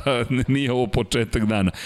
Da se vratimo da. na Sebastijana Fetela, pošto smo sada medijski sponsor dostrukog Tako je. 007 i agenta Jamesa Bonda, onda eto, Aston Martin imamo, to jest ima nas na svojoj strani, tako da samim tim očekujete da budu još jači. E, ali poseban pozdrav bih poslao devojci koja će zapravo biti snaga dodatna Red Bullu. Šejla Čebirić, to je ono što smo rekli, i još jednom aplauz Šejla, svaka čast. Evo, Bravo, bukvalno, i nije veštački, nego pravi aplauz. Dama je ostvarila jedan od svojih snova, to Vanja. Šejla. Šejla, Šejla, Šejla. Bravo, bravo. Ej, piše mi, dopisujem se nešto, imamo neke planove i javlja mi se devojka iz Formule 1, Šejla se zove, rekao, ovo je dobar znak, sad će sve da bude kako treba. Elem, Šejla, naša, uslovno rečeno, Šejla prisvajamo je, koja nam je toliko pomagala, sad ne može da nam pomaže sa analizama krugova, ali... Bilo bi malo. Bilo bi čudno. da, da. Radi u Red Bull Racingu. Dakle, ne u Red Bullu, nego u Red Bull Racingu i ne sme da nam otkriva ništa, niti je mi pitamo, poštujemo prosto od njen posao Hvala. i sve ono što, što je postigla, ali skidamo kapu i neka vam Šejla bude inspiracija. Ljudi, školujte se pre svega i formalno i neformalno i završavajte sve što možete od svojih poslova i obaveza koje ste uzeli na sebe, pravite neke lične projekte i pišite timovima Formule 1, zaista nije šala. Nama su se takođe javili neki ljudi, mi ćemo pokušati takođe da vas usmerimo gde možemo, kada nešto saznamo. Zašto? Zato što to jeste ideja. Dakle, da svi ostvare neke svoje lepe snove i da se uživa, pogotovo kada je reč o Formula 1 Moto Grand Prix. Tako da eto, Šejla je samo, eto, jedan svetionik, ako smemo da je prisvojimo, tako koji pokazuje kakav put može biti. Tako da Šejla, bravo. Ne znam šta je radila prethodnog vikenda, sve bi da napiše Šejla kako to izgleda kada se trkate, ali eto, Red Bull ima i Šejlu u svojim redovima, samim tim je pojačan. Pozdrav za Šejlu i ne šalim se kada to kažem, možda zvuči samo kao... Ali nam Red Bull Neko- platio baštićenje, nije. O, da, to treba da pričamo. Šejla, čekaj, čekaj, Šejla, ko je pregovarao taj ugovor? Da, kako to otišlo se Kako tamo. to ali- To otišla si kao tek tako. Otišla si, ostavila nisam si nas. razmišljao o tome, tek sad mi prošlo. Izgleda je ujutro... Bolje za, ej, slušaj ti e, komercijalni direktore, ti od sada u 9 ujutru da si u studiju da, i da, da radimo, Rešit ćemo to, da vidimo šta se dešava. dogovorit će se s Don Pablo. Don Pablo je pobegao, inače čovjek je napustio prostoriju. I tako. E, To da će morate da mu objasni posle. Da, Ali da se, autodrom. autodrom, Autodrom. autodrom, Autodrom. da se Petak, vratimo nazad. rođendan, torta, Tak, tako, tako tako, da. tako, Da, da, tako, torta, tako. znači, dobro. E ne, ovo, ove ću godine rođendan tortu. ćemo posebno da proslavimo Lab 76, ali da se vratim na, na temu koju si pokrenuo. Da, McLaren je sada tim na koji ti moraš da ubaciš u stratešku kalkulaciju. I ti sada kada praviš bilo kakav plan za trku, ako ne uključiš i Landa Norrisa Znaš i kako, Daniel Ricardo prošla grešiš. trka je pokazala ovaj, eh, Mercedes je vodio, vodio mehaničare na, na grid da bi da, o, Daniela Ricarda naveo na promjenu gume. Jeste. To je dokaz ovaj, je, a, jačine i ozbiljnosti McLarena u ovom trenutku. I znaš, ko, znate koga bih još ja uključio? Doći ćemo na Ferrari, ali ekipu Williamsa. Zašto ekipu Williamsa? Ljudi, u bilo kakvim sada ih neće biti promenjivim uslovima, ta ekipa je na čelu. Šta je, pro, šta je sa problem, problem za drugi sa Williamsom? To je Nikolas Latifi lepo objasnio, koji ostaje u ekipi, pridružujemo se Alex Albon sledeće godine. Inače, Alex Albon je rekao da ste vi, mi, zaslužni za to ne kao Lab 76, nego kao svi mediji zapravo. Dobro, mi tu ćemo neko obeštećenje valjda dobijemo. da, evo, zovu, zvoni Ja mi telefon. nadam. Alex svako jutro zove da pita kako može da podrži celu priču, ali možete tako što udarite like, odete mo- na da patreon.com, posetite nije shop. problem. Možemo lako i brzo da Znaš se kako budeš dogovorimo. čitao Patreone, Alex Albon. Vrlo lako. Ne, ne, ide na prvo mesto. Pa, sve jedno, pa može da abecedno Ne, stavimo mu posebnu stranu plus Alex album. Alex, ako slušaš patreon.com kroz Infinity Lighthouse. Ali vratio se, kaže, u Formula 1 zahvaljujući interesovanju medija za njega. Rekao bih da je to takođe jedan moment koji je važan, ali imaju i podršku na pravim mestima i možda ta budućnost to sa Kako Volkswagenom. Niko Hukelbrand da nije uspeo? Ne znam. Ali Hoćete vanilice video da nas uputite Pa ne, u tajnu pa- uspeha. Pa vi, nešto drugo je važnije od te pa, da, da. medija. Patreon. Patreon je važniji. Patreon je važniji, to je suština. Imao Da. je pokrovitelja u, svojim redovima. Eli, i hvala vama, mi imamo nače pokrovitelje, ali činjenica je da Williams ima jednu snagu i to je rekao Latifi, a to je da je odličan bolid za defanzivu i da ga je vrlo teško preteći, ali da je problem u tome kada moraš da voziš agresivno, da oni nemo, nemaju bolid, tako je koncipiran bolid koji nije spor, čak i Max Verstappen prokomentarisao, George Russell ima sjajne rezultate, ali Očigledno taj bolid nije toliko loš kao što se priča. To je činjenica da je bolid Williamsa toliko loš ne bi ni George Russell ni Nikola Latifi mogli da postignu šta mogu da postignu. Zašto ih ubacujem? Zato što njihovi rezultati i ne samo njihovi, već i ostalih, Aston Martin, Alpina koji su mnogo ispred njih, utiču takođe na strategiju. Ti sada moraš da kalkulišeš McLaren, moraš da kalkulišeš Ferrari, pogotovo sa Charlesom McLaren. Mene zanima ta njihova pogonska jedinica. E, Ferrari je vrlo tajanstva po pitanju svojih pogonskih jedinica. Oni su tek sad pokazali javnosti svoj motor iz 2014. godine. Ljudi, sedam godina su oni krili zapravo da pokažu kako izgleda ta tehnologija. Toliko je sve tajanstveno u Formuli 1 da Ferrari ovo sada što je pripremio, taj, taj, taj novi koncept je, šta god izanalizirali iz tehničke perspektive je zabava na svoju ruku, ali rezultati su nešto sasvim drugo i ukoliko bude rezultata, a ova trka će nam to jasnije pokazati. Možda je Ferrari napravio to što Deni i ostali navijači Ferrarija priželjkuju, taj korak koji je neophodan za sledeću sezonu, koji bi mogao da utiče i ove godine. Zašto? Samo, samo dinamika ti si na prvoj i drugoj poziciji, kogod da vodi, ti si na prvoj i drugoj poziciji, ti moraš da imaš prvu kalkulaciju koliko vremena ti treba za stajanje.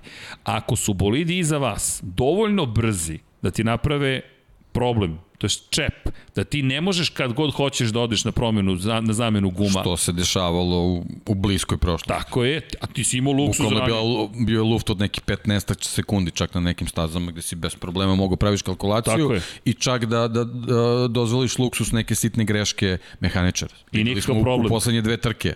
Koliko Svaka grešaka? greška je katastrofa i to su, bile su greške, ajde da ne pričam sad o ekstremnoj grešci Red Bulla vezano za, za Maxovo stajanje u Monci od 11 sekundi, ali greške od bukvalno jedne sekunde ti potpuno poremete trku i to je ono što se dešavalo ranije i sad ponovo imamo tu situaciju. A tu ti raste pritisak, ti tu dođeš u situaciju da kažeš, ej, čekaj, sada ne smete da pogrešite, aha, sada ne smemo da pogrešimo, ops, I naravno, to Greška. se tad i dešava. Pa dobro, to je. I to je ono što smo prvo ljudski, rekli, to je. pritisak. Pritisak na koga? Kod Pereza, kod Maxa, kod Hamiltona, kod Bottasa, Kod ekipa, kod, kod svakog vozača kod smo videli. stratega, mislim, mislim na na njihove njihove mehaničare, znači na Pa, njihovo da. stajanje. Bukvalno smo kod svakog vozača vidjeli te greške. I ti imaš situaciju u Ti u kojoj... Monci je i, i Mercedes napravio grešku. Tako je, pa da, upravo I to je to, taj to. spet okolnosti koji je doveo do toga da, da izađu na stazu jedan pored drugog. Tako je. Maxi. A dobro, da li je moglo da se desi drugačije? Pa ne, pa bit će toga još. Nemoguće, Ljudi, bit će jednostavno to je još. takva sezona. To je tako je, bit će toga još sigurno. U svakom slučaju, McLaren, McLaren može ljudi da se bori za pol poziciju legitimno, može i za pobedu. Pa naravno, to, to, je, to je sad apsolutno jasno. Jer pazi, To su, ukoliko... to su, to su, e, pazi, imaš dve, dve trke, dva trkačka vikenda u koje, kojima je McLaren legitimno najbolja ekipa na stazi. Nije se ništa nepredviđeno dogodilo da oni budu najbolji, nego su oni svojim radom to zaslužili. Da oni su Kroz direktno... kvalifikacije, e, trku, strategiju, oni su bili najbolji. Oni su bili najbolji oba vikenda.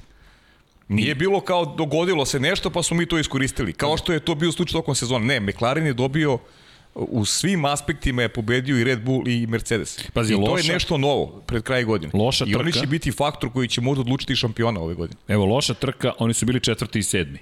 A, a nezadovoljni, ne nezadovoljni, s razlogom su potpuno nezadovoljni. Četvrti i sedmi, to bi pre godinu jednu bilo, mi bismo ovde sad pričali, a dobar vikend za McLaren, četvrta pozicija, blizu pobedničkog posle. Ne, Pa dobro, i, i iz ovoga su nešto, i, i ovo je nešto naučili sazrevanje. iz ovoga. Juan U Rusiji Pablo nešto Montoya naučili. se oglasio takođe, svi se sad oglašavaju i kažu ono što smo pričali, ej, to je proces. Vi morate sada da naučite i McLaren ne moraju, bi... moraju da usvoje proceduru za situaciju koju nisu do sada imali. Znači, kad nešto treba da se reši u, u, u par sekundi, mora da se zna koja je to osoba koja se reši. Tako je. Pa ono što, I to je radio, to. ono što su radili u Mercedesu i Red Bullu. Tako je, pa To je to. apsolutno. Meni je, Luis i Max su profitirali iz cele priče. meni je ovo nova era McLarena i mnogo sam U srećan što, što je Mercedesu kad neko donese odluku i Lewis Hamilton može da gunđa i to je to. Tu Tako. se završava sve. A čak sa njegovim ako, gunđenjem. Ali pazi, čak i ako odbija da je, da je izvrši kao što je odbio u Rusiji, Mercedes nađe načina da ga nagovori. To je ono što je meni potpuno fenomenalno bilo u tom razgovoru. Pa znam, Hamilton ali, je odbio. Ali nema razloga da, da im ne veruje. Ne, ali, ali vidi, e, ali šta mene oduševljava organizacijono? Tebi je to sedmostruki svetski šampion. Čovjek koji ima u tom tometu 99 pobjeda. Onda kaže ne, to je ne. Na kraju dana on može da kaže ne, ali Mercedes ne ulazi u sukob sa njime i preganjanjem na nivou Toto Wolff je tvoj šef i uradit će šta ti ja kažem. Ne, Toto Wolff kaže ok, Bono, ti sad se potrudi da on uđe, kako god znaš i umeš. A Bono koji kaže, ej vidi, Max je promenio gume. On, on koristi da, a ovo sve što pričamo reči. u stvari traje pola kruga. Pola kruga, da, tako njihova, je. Njihova komunikacija pola kruga traje i donosi se odluka. Da, ali kada je Bono toliko puta bio u sličnim situacijama, da lakše ti da odlučiš. Norrisov inženjer nikad nije bio u toj situaciji. I kad mu Dobro, Norris kaže niti, za čepi... Niti Norris ima iskustvo kako ima Lewis Hamilton. Tako je. To je apsolutno Pazi, 16, ko ne, šest, da, 16 skoro godina razlike. Znači imaš, imaš momka koji hita ka svojoj prvoj pobedi, tamo negde na horizontu vidi plavo nebo i misli da će sve biti okej. Okay. On nema radar koji ima ekipa.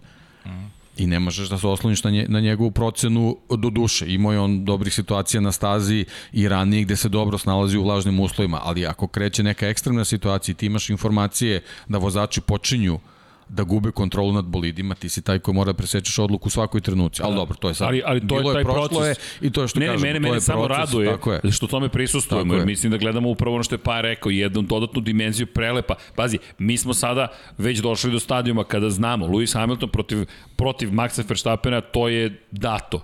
It's a given, to će se desiti. Mercedes protiv Red Bulla, to će se desiti.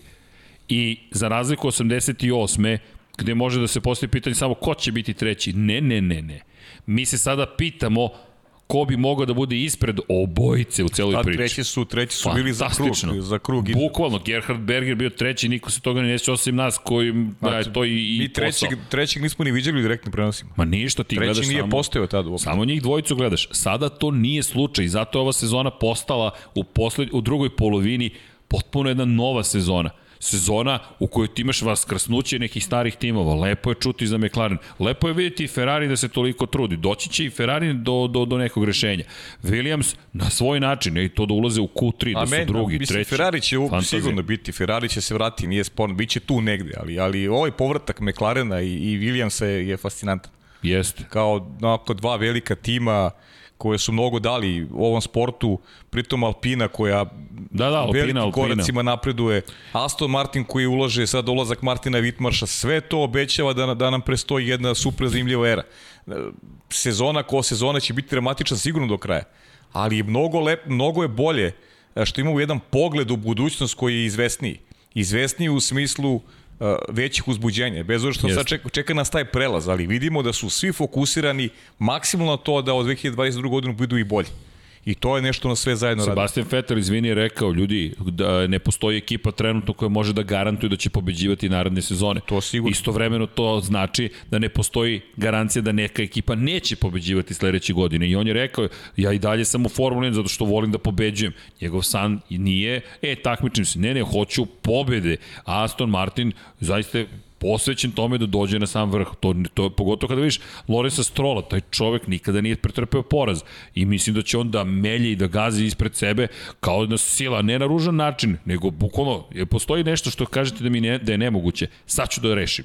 To, to je bukvalno taj osjećaj imam sa Aston Martinom. A to je samo jedno ekipa i Alpina, Fernando Alonso, Moj, pa, Lorenz Stroll je ne, neki, neki Dietrich Matešić, To je to. A razlika je samo što ima sina koji, koji, vozi, koji da. ekipi, tako da je možda još dodatno posvećen da neke svoje milijarde potroši da, da više je tu oko da se ekipe, napravi, više da, da se napravi veći uspeh, da. da znači, pa, nije, nije direktno vezan za reklamiranje svog brenda, ali ima sina u, u ekipi što je dovoljan ovaj preduslov da, da se od njega očekuje da učini sve da ta ekipa profunkcioniše na način kako treba funkcioniše da. prava ekipa Formula 1. Samo je bitno da se drži poslovanja kao što ga imaju i Matišić da se okruži ljudima koji znaju Upravo i da, to. i da oni vode ekipu. Ja sam, okay, ja sam kapital, tu za management i za kapital. Je, a vi vodite a, tim, da, to je to. I upravo to što kažeš, kad, kad, kad neko dovede Vitmarša koji je generalno čovek koji, koji prati razvoj tehnologija i, i direktno učestvuje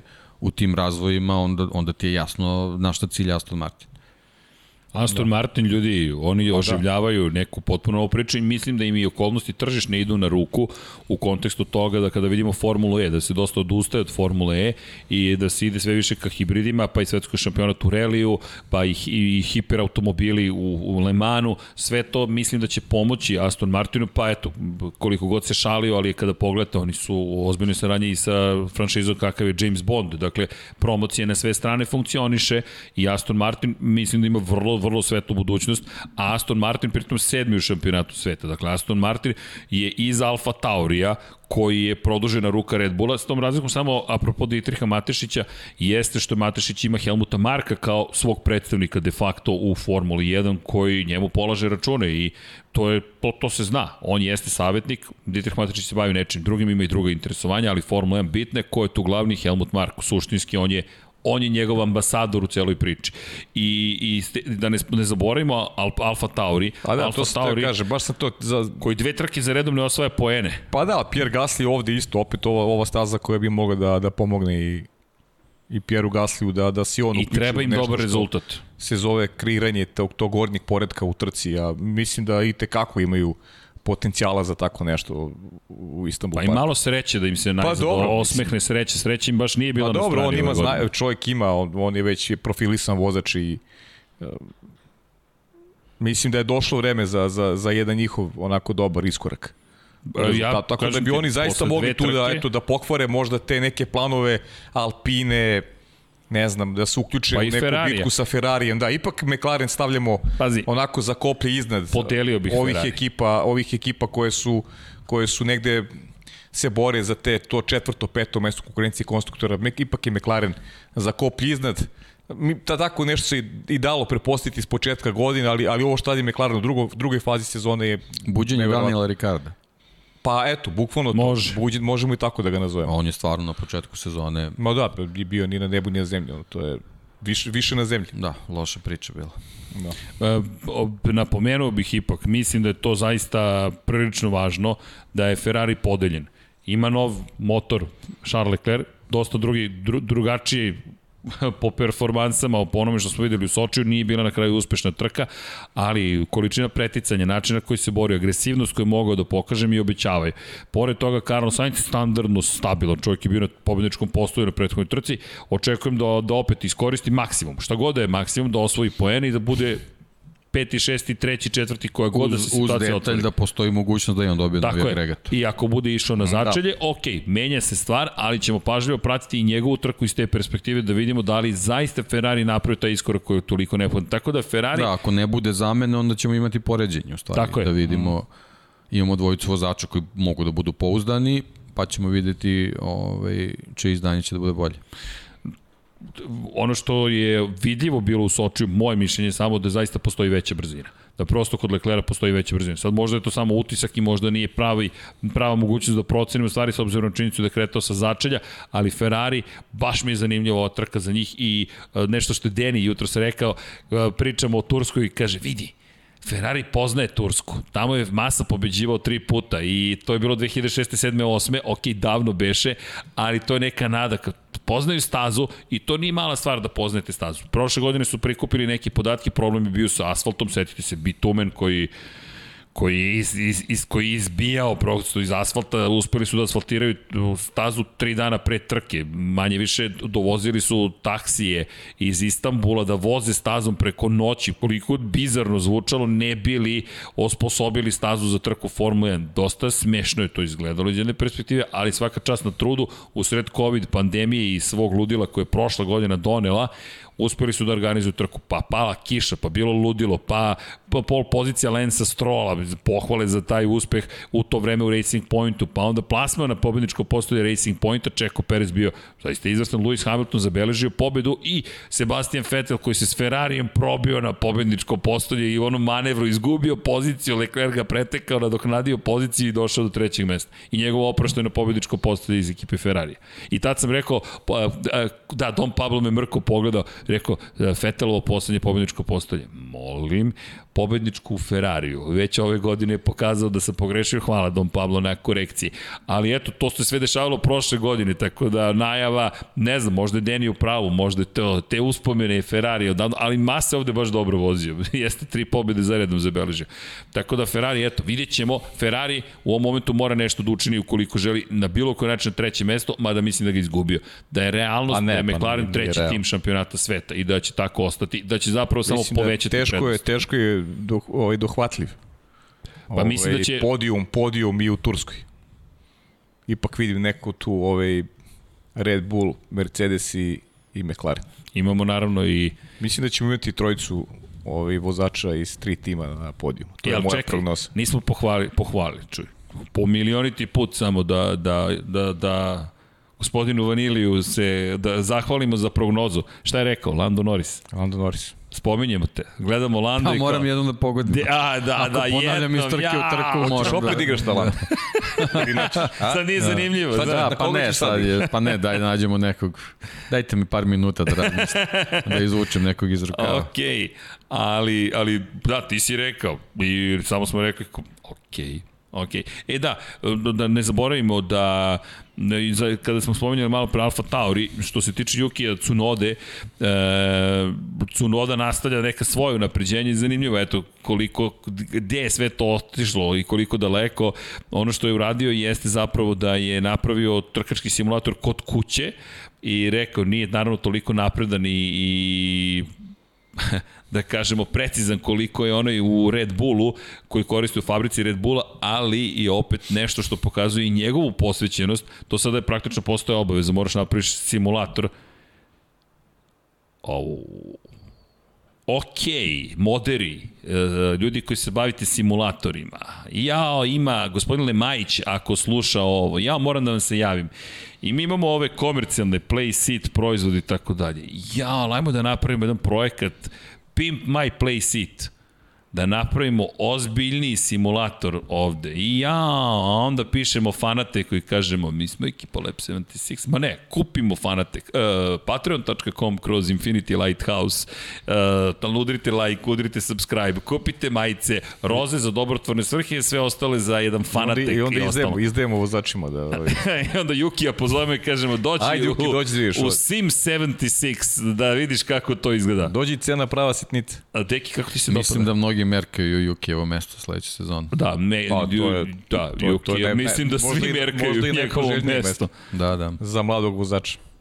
Da. Zato je on mora ozbiljnije sve posveti vežbanju. Ako misli da ostane tu. Ali mislim, ja, ali mislim da znam ko je najbliži to mesto. Denis Hauger. Pa deluje da ga da ga usmeravaju ka tome. Hauger koji stiže u Formulu 2 naredne godine iz Formule 3. Verovatno će, da, šta misliš, da li će Hauger ubaciti u preostale trke Formule 2? Mislim da hoće. Kao Teja Puršera što su Pa da. uveli, mislim da će i Hauger Ona najava za sledeću sezonu za ozbiljno, za obavezno ovaj, ubacivanje mladih vozača petkom, to je, Da. to je, to je dobra stvar da, da. i mislim da ćemo tu u stvari videti ko od tih mla- mladih vozača zaista ovaj, pretenduje na, na, na mesto u Formuli 1. Da, to je Matija Binotto rekao da prosto Formula 1 je dužna da mladim vozačima omogući Mislim da više je to već kilometara. gotova stvar. Da, da, da. Samo čekamo ovaj, da, da, da, da ozvaniče da, da su se sve ekipe složile da, da, da petkom bude obavezno da imamo jednog Novajliju. Pa to je i dobro. Kako Mislim, to je zaista do, to Pa odlično. to je jedina prilika da momci sa svojim uskraćivanjima testova da dobiju uopšte neku kilometražu Formule 1. Pa to i Sergio Pa, Perez dobro, i rekao. ovo je dobro što se vraća i Formula 2 i Formula 3 idu opet uz paket Formula 1 i to je dobro. To je nešto što je standard i ne treba to da se menja. Imamo sve i svi, tu, tu su na oku. I da pratimo tokom jednog vikenda i Meni da, je, takmičenje u starom formatu. pazi, simptomatično koliko je teško bilo šta postići u savremenoj Formuli 1 i izjava Serhije Pereza. Serhije Perez je rekao, ljudi, uz skraćenje treninga ove godine, oni imaju po jedan sat manje na stazi. To delo je tako jednostavno nama koji sedimo i komentarišemo ili posmatramo, ali mi govorimo zapravo o gubitku trećine vremena. Ti si imao 3 sata petkom, sad imaš 2 sata petkom. Ko je gledao Schumacherov do, dokumentarac o Schumacheru na Netflixu, inače, kakav god daje, kogome god da se dopada ili ne. Ja i dalje mislim da je to sjajna stvar koja se dešava i Formula 1, pa i gospodinu Mihaelu Šumacheru. Zašto? I njegovoj porodici. Reč je o tome o uspomeni jednog šampiona i povećava interesovanje za Formulu 1, što automatski otvara priliku da se dodatne stvari saznaju. Tako da neki ljudi koji ne gledaju Formulu 1, koji su pratili ili nekada davno mi pišu i pišu o dokumentarcu, samo koliko je uticaj Netflixa velik i to je dobra stvar. Ali da se vratim na taj dokumentarac iz perspektive ove priče, Schumacher je tada mogao da sedi po ceo dan u bolidu i da testira u Fioranu, i da testira, i da testira, i da testira. Danas nema testiranja. On ima petak prvi trening da se pripremi i za trku i da testira. Petak popodne da se pripremi za trku i da testira. To je gotovo nemoguća misija. Mi govorimo o tako ograničenom broju minuta na stazi da Sergio Perez koji ima i pobedi i iskustvo ozbiljno kaže ljudi ja pokušavam da se prilagodim velikom brzinom Red Bullu i Novajlije tek su velikim problemima. Tako da ovo dobro i volao bih da Novajlijama daju više krugova za testiranje. Da, ekipe će to uvek iskoristiti za sebe, ali pa ne, šta? Dao si dobar, dobar ovaj, primer Serhija Pereza sa, onim, sa, onim, sa onom banalnom situacijom na početku godine gde se on tokom trke privikavao na upravljač. On jednostavno nije, imao priliku da se van sezone privikne na, na potpuno drugačiji kokpit od, od onog u kojem je bio prethodne sezone. I, i to su stvari ovaj, koje su postale potpuno normalne u Formuli 1, a posebno vezane za mlađe vozače koji jednostavno bukvalno u vatru se odmah ubace i od njih se očekuju ne, ne znam kakvi rezultati, a, a znamo da, da je Formula 1 u odnosu na sve ostale automobilske kategorije on, dan i noć. Razlika neverovatna. Tako Nema, da, ti tu pilotiraš. Pa ne, ti si je, pilot. To je stvarno, ovaj, sa, posebno s ovim današnjim tehnologijama i svim ovim sistemima koji moraju da, da prate i da servisiraju tokom vožnje, očekivati od nekog da se tokom ono, dva, dva dana privikne na, na to je apsolutno neverovatno, tako da ovo što, što nas čeka u sledeće sezone mislim da je, da je dobra stvar. Da, izvini, sami pade na pamet nešto, samo bih spomenuo čisto, ipak smo Infinity Lighthouse, ali pa jel, ti znaš da je moj stric bio takođe novinar?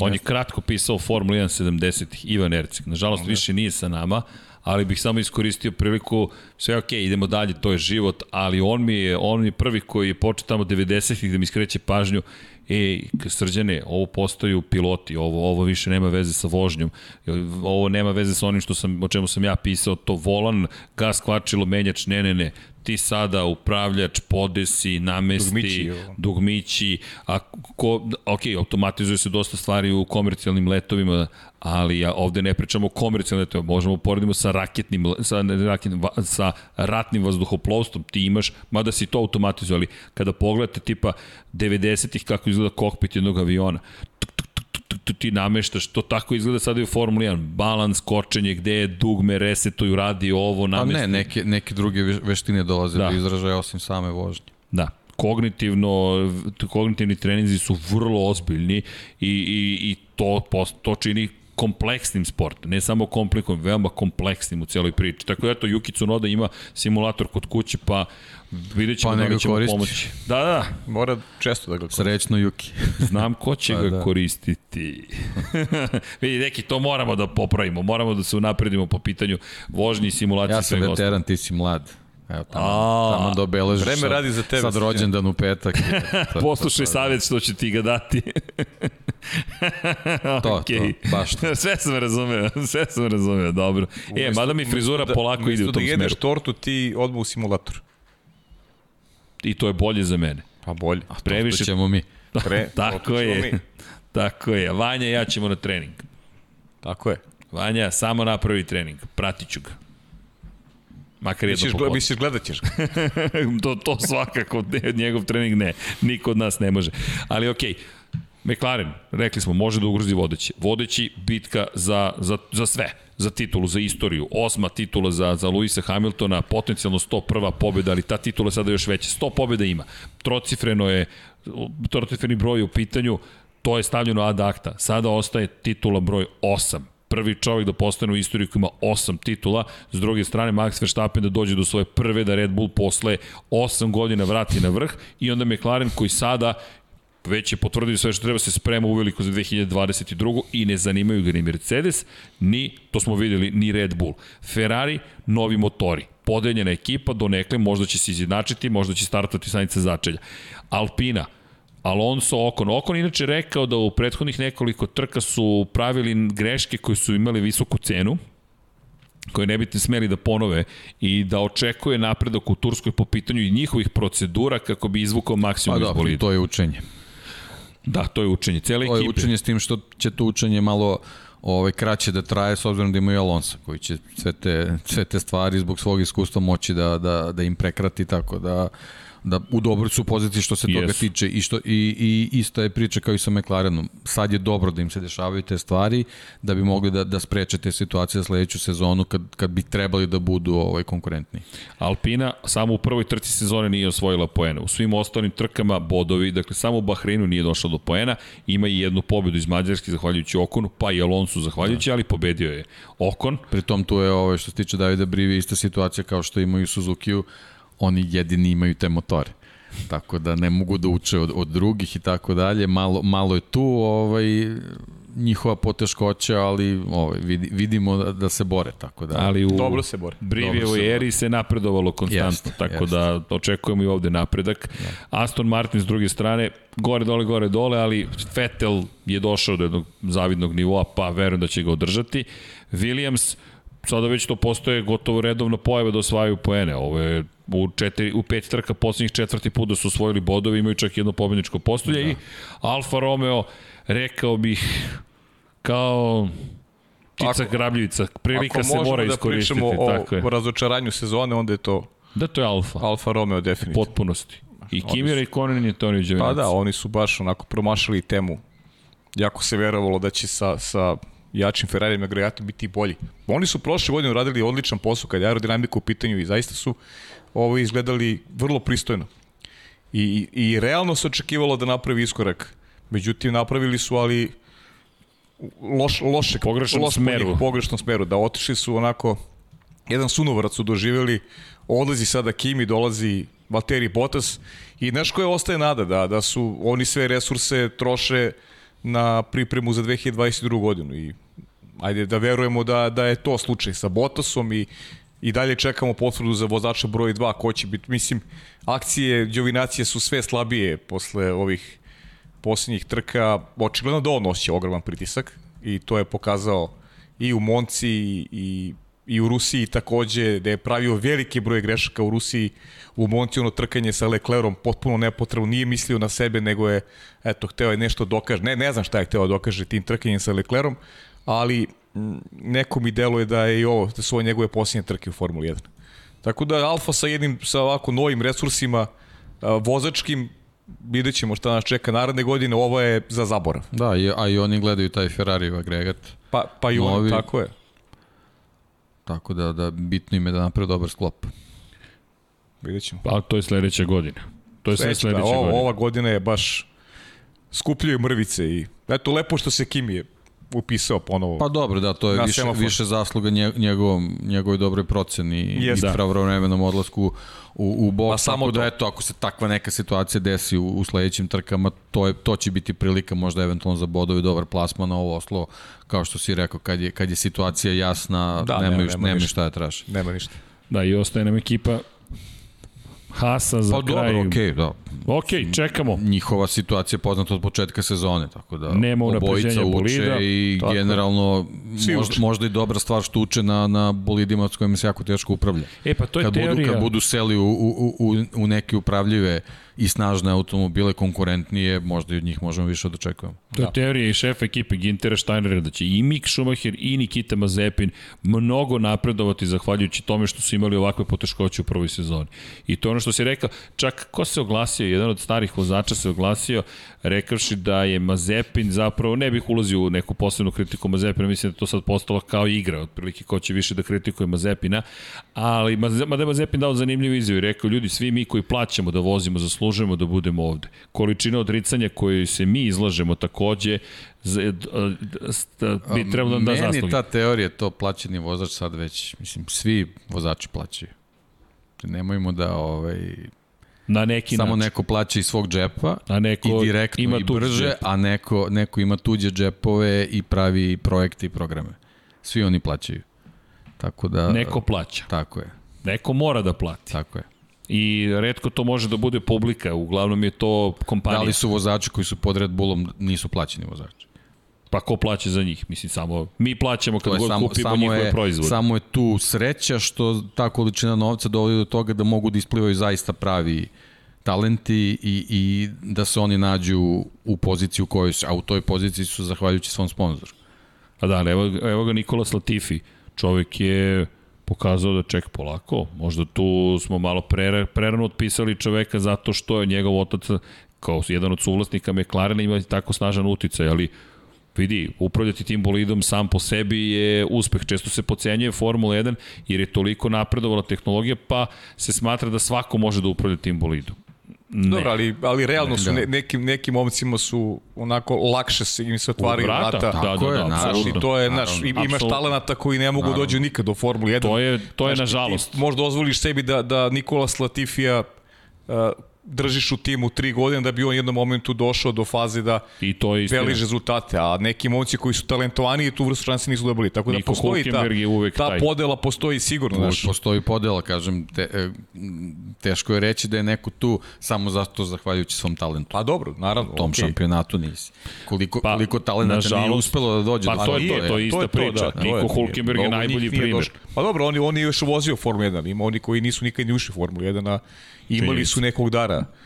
Koliko smo im puta pričali, tad smo pratili Grand Prix trojku, da Kosta nikad nije ušao u Formulu 1, a, a pokazivo je tu vrstu talenta da može da bude onako Antonio Felix da Costa, za one da. koji ne znaju, Recimo, za nas nabrajam. jedan od najimpresivnijih Pa, na, vozača koje smo da, gledali. bio je zaista sjajan u tim Jeste. nižim kategorijama je bio Nije bilo par. vrlo talentovan. Pa ne, isto je Red Bullov vozač, ali na pogrešnom tržištu.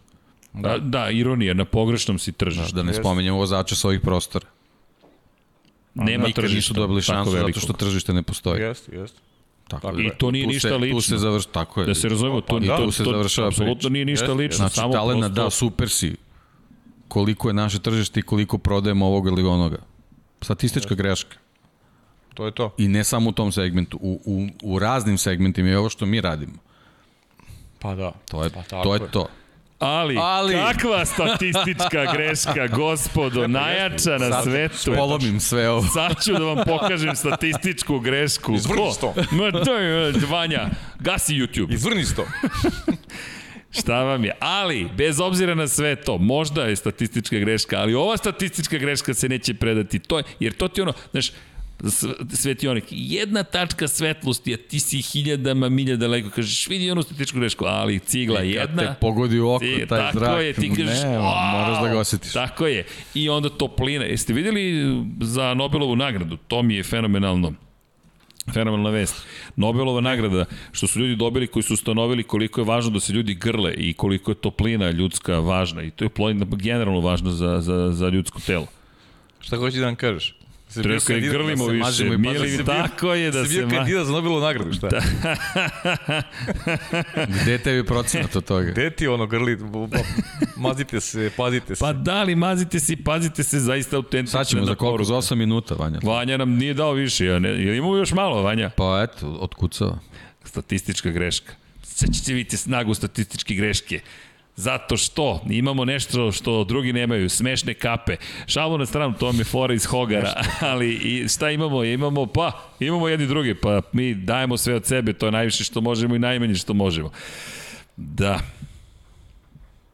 Ne, moram da nađem tu vest o Nobelovoj nagradi. Ljudi su dobili Nobelovu nagradu zato što su ustanovili koliko je to važno za ljudski organizam i to jeste suština, ljubav. Tako da, da se vratim na Mazepina, rekao je čovjek samo da se i oni odriču. Nije da je platio i samo dođe, sedne i može da pusti stomak i dalje će imati bolid Formula 1 u svojim rukama. Neće. I dalje mora da prođe sve rigorozne treninge. Konačno, Lewis Hamilton je rekao na pitanje njegove karijere, rekao je da u poslednjih 5-6 godina razmišljao, okej, da li ponovo da se posvetim svemu ovome, ima toliko drugih stvari koje bih volao da Gde radim. bi bio Lewis, Lewis Ali- Hamilton da nije bilo Rona Denisa? Ne, nigde. Prosto da nije bio McLarenovog programa, bukvalno ne bi ga ni bilo, ne, ne bi zaista bilo nigde. Opa, odnos pobjeda Lewisa Hamiltona u McLarenu i Mercedes. Gde, dakle izmišljaš ovo, Vanje? Momčilo i ti, kakav Momčilo Vukić. Neviđen tandem. I, I Vanja Milićević, i, pa i Bogdan koji ovo pripremi, Dom Pablo je uvek tu, siva eminencija, pobede i trke, 110 trka u McLarenu, 21 pobjeda, 19% uspešnosti. Mercedes 172 trke, 79 pobjeda, 46% uspešnosti. Da, to je zaista fascinantno kada pogled. 46% trka u kojima si učestvovao, ti si u njima pobedio. Nevjerovatno. Ne znam da li ima iko takvu statistiku. Ne, ne, ne, ne. Najuspešniji je Juan Manuel Fangio svih vremena po, po, po statistici u, u, kada je reč o pobedama u karijeri, ali u jednoj ekipi ovo ja mislim da, da mislim da se to nije. Prošle godine je bilo pa dobro, bio pa da bilo pa jeste, pa, ali to je to je to je baš ozbiljna anomalija u celoj priči. Ali u svakom slučaju impresivni rezultati Luisa Hamiltona. Da. da, i ozbiljni procenti, lepo si rekao. Ali eto, Momčilo i Vanja odmah izvuk samo fuf, ovakvu informaciju. Elem, htio bih reći da i Lewis Hamilton mora ozbiljno da trenira i da se priprema i da, su, da tu, tu dalje A, postoji to je, to je vreme koje nije, nije to samo zabava. Kao došli smo, juhu, super vikend. To je jedan od mehaničara u Formuli 1 baš tweetovao nedavno. Ljudi, kakva žurka, ja u nedelju popodne... Priča Boži ovde šta radi. Da kako se priprema za... Ne samo to, nego sad ta, ta, ta, ta priprema je možda i važnija upravo zbog toga što smo pričali zbog tog skraćenog vremena kojeg provode u bolidu. Oni, oni to vreme moraju da simuliraju na drugi način. Ne, ne možeš ti sa, sa pola sata treninga da dođeš i da voziš trku od dva sata. Sedite, otidite na karting, platite 10 minuta, pa kakvi da. ste posle toga, A, da. kamoli posle Grand Prix koji traje dva sata. Okupani u znoju posle 10 pa, minuta da, karting. Tako da to je sve, sve je povezano jednostavno. Evo, našao sam, samo da vratim na, na sekund na maženje i paženje. David, Jul, David Julius i Ardem Patapoutian, Patapoutian, verovatno, iz Sjedinjih američkih država, koji su ustanovili kako Ako je Jermen, fizičke... Onda nije.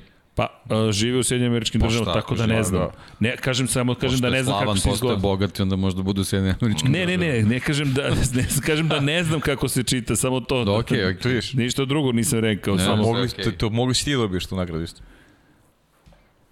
Ali to posto su gledali lab. To je tržište. Sigurno su lab gledali. To je tržište, o čemu pričati neki, vraćamo se da, na tržište. Da ispitaju to sve. Dobro, ali... Manje ljudi gleda i samim tim mi smo hendikepirani u toj priči. Ali ne, ja to gledam ovako. Mi imamo neku našu priču. Mi pravimo svi zajedno sa publikom tržište. Sve je okej, okay, nego ja ti pričam sad o Nobelovoj nagradi. Znaš, Koka jaje. Kako ćemo... ti je zaobišlo, to, to. A kako mi je zaobišlo? Pa to. I još uvek.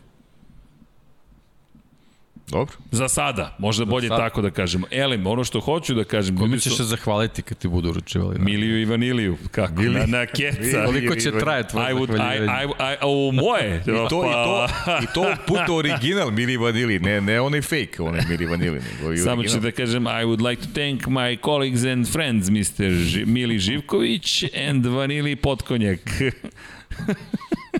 pa kad prozivate, ne, a ja bih to stvarno rekao, vi to vrlo dobro znate, zato mi nikad ne bi pustili na tu pozornicu. Dom Pablo mi pokazao, imaš novi sat.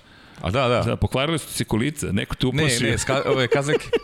se se poklopile, neko misli na mene. da. Vanja.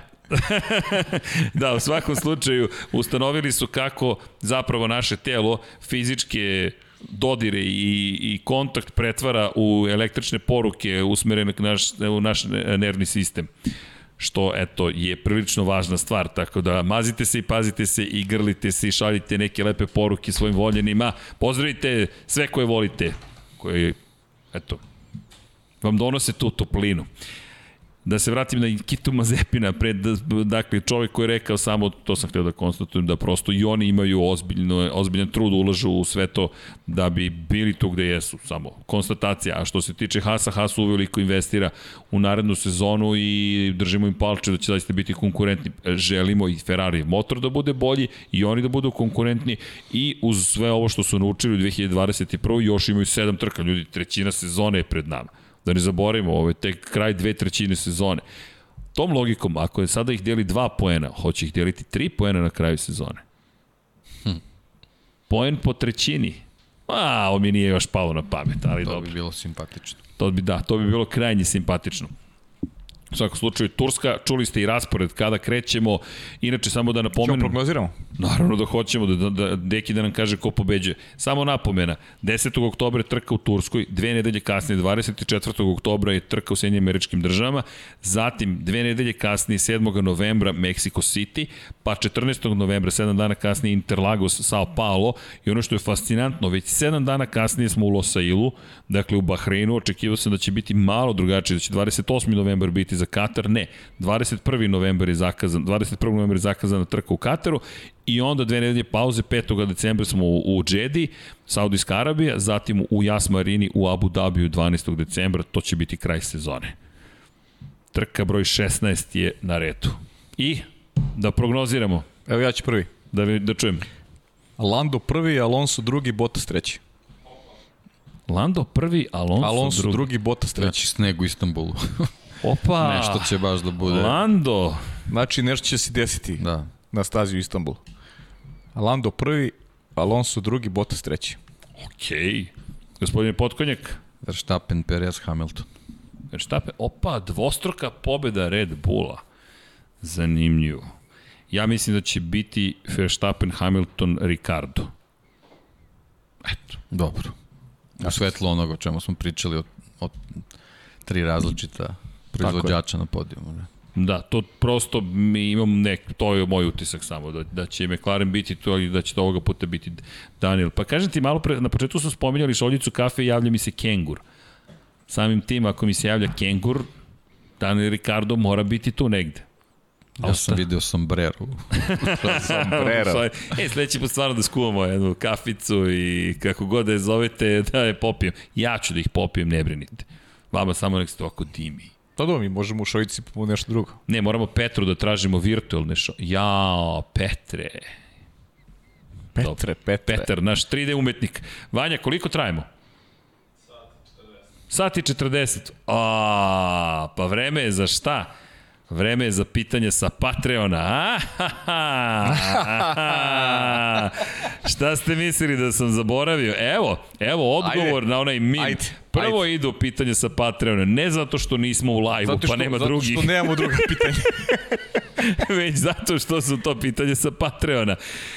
Dakle, imam pitanje, Aleksa Vučej, da li je moguće da Sainz za par godina dođe u Red Bull? Ima konstantnost i nije previše nametljiv. Velik pozdrav svima, nadam se da je sve u redu. Naravno da je sve u redu. Aleksa, pomerili smo snimanje samo da bismo mogli da ispoštujemo medijskog sponzora i pojavimo se na pred predpremijernoj pred pred premijernoj projekciji film najnovijeg filma James da. Bond. Nije, Moramo ne, i od... nije nemoguće ovo, pošto Sainz će da traje u Formuli 1 Dobro, Sainz je sigurno. bio Red Bullov vozač. Da, tako Da, da. da. u Toro Rosso i A stasao. trajaće sigurno u Formuli 1, da li će biti ali Duže- uspeh u Ferrariju zavisi od toga da li će ostati u Ferrariju.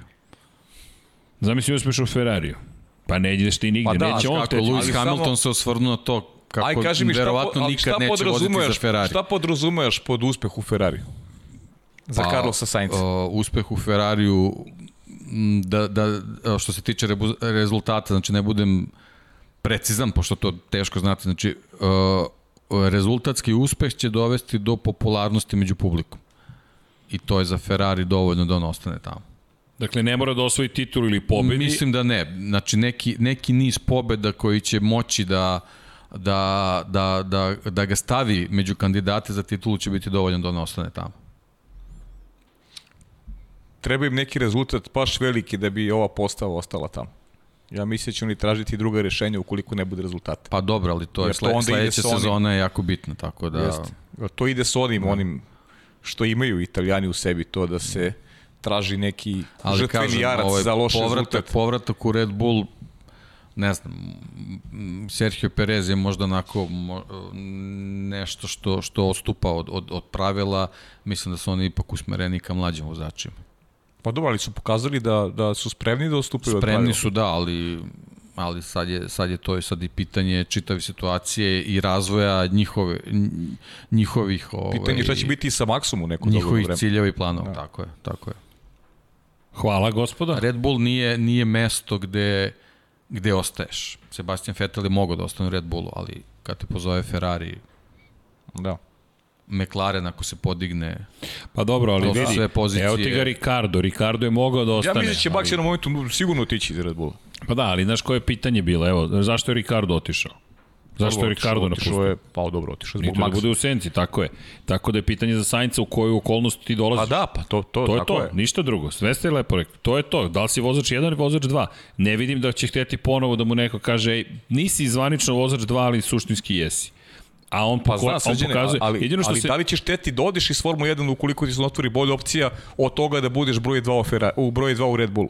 Pa- Znaš, i to je sada pitanje, znaš, Pa da, šta ali- imaš od opcija? Ne znam. Kako si sebi E, izgradio ali to karijeru, je- pa da imaš opciju? Ali znaš, vidi, to, je pitanje, je, veliko. ka, da, to je ono što je, da li hoćeš da postaneš bez ikakve uvrede, Sergio Perez ili želiš da budeš nešto Pa drugo? to je sad to već- To, na to se sva... Neka ti to okolnosti navedu, znaš. Pozicija, pozicija u Formuli 1 je, to jest vrhunac je mesto u Ferrari. To, to je činjenica. I ti kad to dostigneš, onda je nekako Evo, lakše navijač. odlučivati kako, kako Da. posle u karijeri. Da, Šta je rekao? ništa, navija za... Da se zamene Sainz i Max. A, o, aha, To navija Vanja. Vanja koji je veliki navijač Ferrarija i on o tome sanja, rekao bih. Koga ti želiš u Ferrariju? pa eto, rekao je. Luisa. Pa to je i on izjavio. Da, pa jeste. Samo što Da. svestan se to nikad Ali neće desiti. da. Stefano Domenicali je Ayrton potvrdio... Senna je testirao Ferrari. Ayrton Senna je trebao da bude 96. Mihael Schumacher jest. u stvari. Jeste. Tako je. Inače, samo, samo da napomenemo, i to, o tome se da, o tome se tek nije pričalo, ali o Priča- Seni, Pričat ćemo. da, treba da pričamo. Nego samo da se vratim na ovo, Stefano Domenicali, sada izvrši direktor Formule 1, nekadašnji šef Ferrarija, je potvrdio da je Ferrari pregovarao sa Lewisom Hamiltonom i da su želeli da ga dovedu u svoj Pa, red. To, da, da se to nije desilo, meni bi to bilo čudno. Tako je. ruku. Ali samo Kao, eto, kao potvrda Red Bulla su razgovarali s Landom Norrisom. Pa naravno da su trebali da razgovaraju s Landom Norrisom. To nisu radili. ako ne razgovaraš, ne po radiš meni svoj bi bilo posao. neverovatno. Pa, Upravo- bukvalno nisi uradio svoj posao. Upravo to. Jeste. A to se ne radi. A to se... to se ne radi. Elem, hvala Aleksa. Mario Vidović, veliki pozdrav svima. Imate li u planu nekakvog okupljanja uskoro? Zajedničke odlasti na trke. Mislim da bi bilo idealno na iduće godine napraviti neko okupljanje na Reli Hrvatski za ljude koji vas prate iz te zemlje i preporučujem Tijenu Prodanović, astrofizičarku za gosta u Kosmos 76. Da, Tijenu nam je preporučila i ko nam Popka nam je preporučila Tijenu, tako da Tijeni ćemo se mi obratiti da vidimo da li je zainteresovana. Bila je u Agilas podcastu, tako da mislim da bi imala o čemu pričati i tekako Tijenu bilo lepo stvarno da odemo. To Da. je bilo lepo da odemo. Da, hvala za predlog. Da, i hvala i ostanite Generalno raznorazne krizni, raznorazni Kri- krizni kri- štabovi dalje Da. odlučuju gde ćemo se okupljati, Pa- ali ovo za, za Hrvatsku par stvari. ako bude relija, da. Da, imaćemo okupljanje baš povodom najnovijeg filma Jamesa Bonda. Dakle, to ćemo vam saopštiti. Nismo zaboravili svi koji su bili prošli put na projekciji Fast and Furious. Ljudi, napravit ćemo ponovo. Ovoga puta e, ekipa iz Paramount je rekla, ej ljudi, ajmo da napravimo zajedno neku akciju, tako da ćemo napraviti jednu posebnu, jedno posebno okupljanje tokom jedno, jedne od projekcija za sve koji su deo ekipe Infinity Lighthouse Lab 76, da se nađemo malo u bioskopu, eto da vidimo kako izgleda taj James Bond A i najnoviji. u, u planu je, mislim, još je, još je plan, nismo, nismo krenuli u realizaciju, možda bude jedno lepo kupljanje tamo oko nove godine. Da. Ali kad budemo imali neke, Polako. neke konkretnije ove informacije, onda ćemo Jedno po jedno. Da. Ali Ali, razmišljamo slučaju- o tom u svakom slučaju. U svakom slučaju udrite... Zaslužili ste pre svega da, Da, pre... da se okupimo. Da. Pa mnogo toga ste zaslužili, neke stvari ne možemo da ispunimo zato što prosto viša sila okolnosti ne Da, dozvoljavaju mnogo baš. ograničavajućih faktora, nažalost. Pa evo samo Moramo da, da, da pre svega vodimo računa o zdravlju. Tako je. I molim vas vodite računa o zdravlju. U svakom smislu te reči. Ne mislim samo na COVID i na ekstremne situacije u kojima se nalaze, u svakom smislu te reči. Vodite računa jednim drugima i zaista kažem, mazite se, pazite se. Zagrlje je čudo. Tako da eto, i Nobelova nagrada to govori. Ali ne šalim se, možda to zvuči banalno, nije banalno. Zaista nije banalno. E, tako da pratite u to ime, te da kažem like, subscribe i upalite notifications, ali zapratite i društvene mreže, naš tim sa društvenih mreža će vam rado odgovoriti na pitanja, tako da hashtag Što gledaš u mene za... Da, naš po, tim naš tim, direktor tima društvenih mreža, odgovorit će vam. Pratite Instagram i Facebook kao plan A, a Twitter kao plan B. Evo ga šef tim. Šef tima je tu, ali... A Zar, naći će mi neki plan C, CD, neki TikTok, TikTok, oni su neuništivi. TikTok, da, da reelovi i shortovi i sve ostalo. U, Vanja bi mogao da vodi TikTok, ali... A imaš neko pitanje? Da, ima, e, ali Vanja. E, samo kratko, ako očekujete vreme odgovora, ekipa društvenih mreža brzo odgovara, pa onda Paja i onda ja. Ljudi, nije da ne odgovaram, ja prosto ne, ne postignem baš sve što Da. bih želeo. Ni meni ne odgovara ako vam je zutihu, tako da... Pa on, on nikom ne odgovara. I svima odgovaram. Da. Samo je pitanje vremena. Meni je ta dilatacija vremena. Evo, pokazujem, ajde vreme, ubrzaj čoveče. Ok, To Petar je Vrelić. naš kontinuum. Ta crna rupa je oko mene. Wow, Ajmo još na dva pitanja da Meni govorimo, minut, ajde. vama pet sati.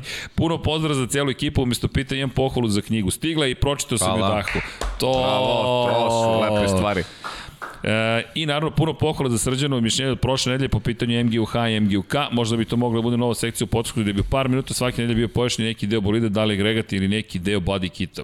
Pa možda kad krene ovaj, nova generacija. Pa možda kada... Sad već za muzej. Ko možda i kada krenu neke druge da. stvari. Ko zna, da. udrite like, udrite subscribe, pratite ove, ovaj kanal, ali hvala, hvala Petre, zaista nam je čast i zadovoljstvo i drago nam je da nam se sviđa knjiga i kao i to što smo radimo, imamo planove za, i za to. Pozdrav ekipa, špekulira se da bi Hamilton mogao uzeti promenu motora u Istanbulu. Mislite li da bi Red Bull mogao napraviti istu stvar kao i Mercedes u prošloj trci, da promene Perezu dinjevi motora i vrate ga 10 pozicija nazad da uspori Hamiltonu, pošto su da ekipe toliko ne zanima kontorskog sabora, već samo titula vozača. Pozdrav Toniju. Da, da interesantan pogled. Može, naravno. Može. Pričali smo o Kažem, nije, nije mi neophodno da to sad urade, ali ne znamo kako stanje. Ako, pa, se, da. ako se odluče za to, Red Bull može da precrta njihov Mercedesovu ovaj Mercedesovu odgovor i taktiku sa prošle trke da to isto urade sa Perezom Mislim da će slično proći sve je otvoreno, Perez, sve je otvoreno, da će brzo da. izgubiti poziciju, ali opet dva, tri kruga da potroši može biti kritično kada pogledate, kada uzmete obzir sve što smo pričali. McLaren, Ferrari, Alfa Tauri, Alpinu, možda i Aston Martin, ko zna. Hvala još jednom pozdrav za Tonija. Nikola Grujičić, e, hvala vam na informaciji, to je tamo ekipa koja mudro zbori. Imam samo pitanje u vezi sa knjigom e, Crveno i Crno. Da li ste dobili od mene poručbinu za dva komada? Jesmo dobili? Jesmo! Nikola, jesmo poslali?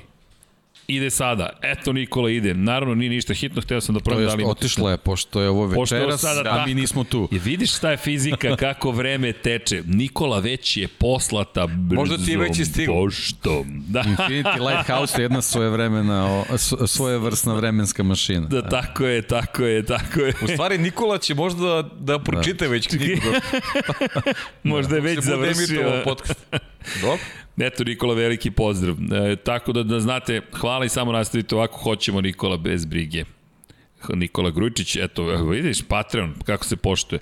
Milan Durdić, ništa, samo jako kao i do sada. To vam kažem, statistička greška. Sad ću da napišem podcast statistička greška. I pričamo o čemu? O, o, o snazi snova. U svakom slučaju, Đorđe Radojević, imam pitanja, gde mi je knjiga? Uh, je li tu negde? Je li tu? Treba se potpišemo.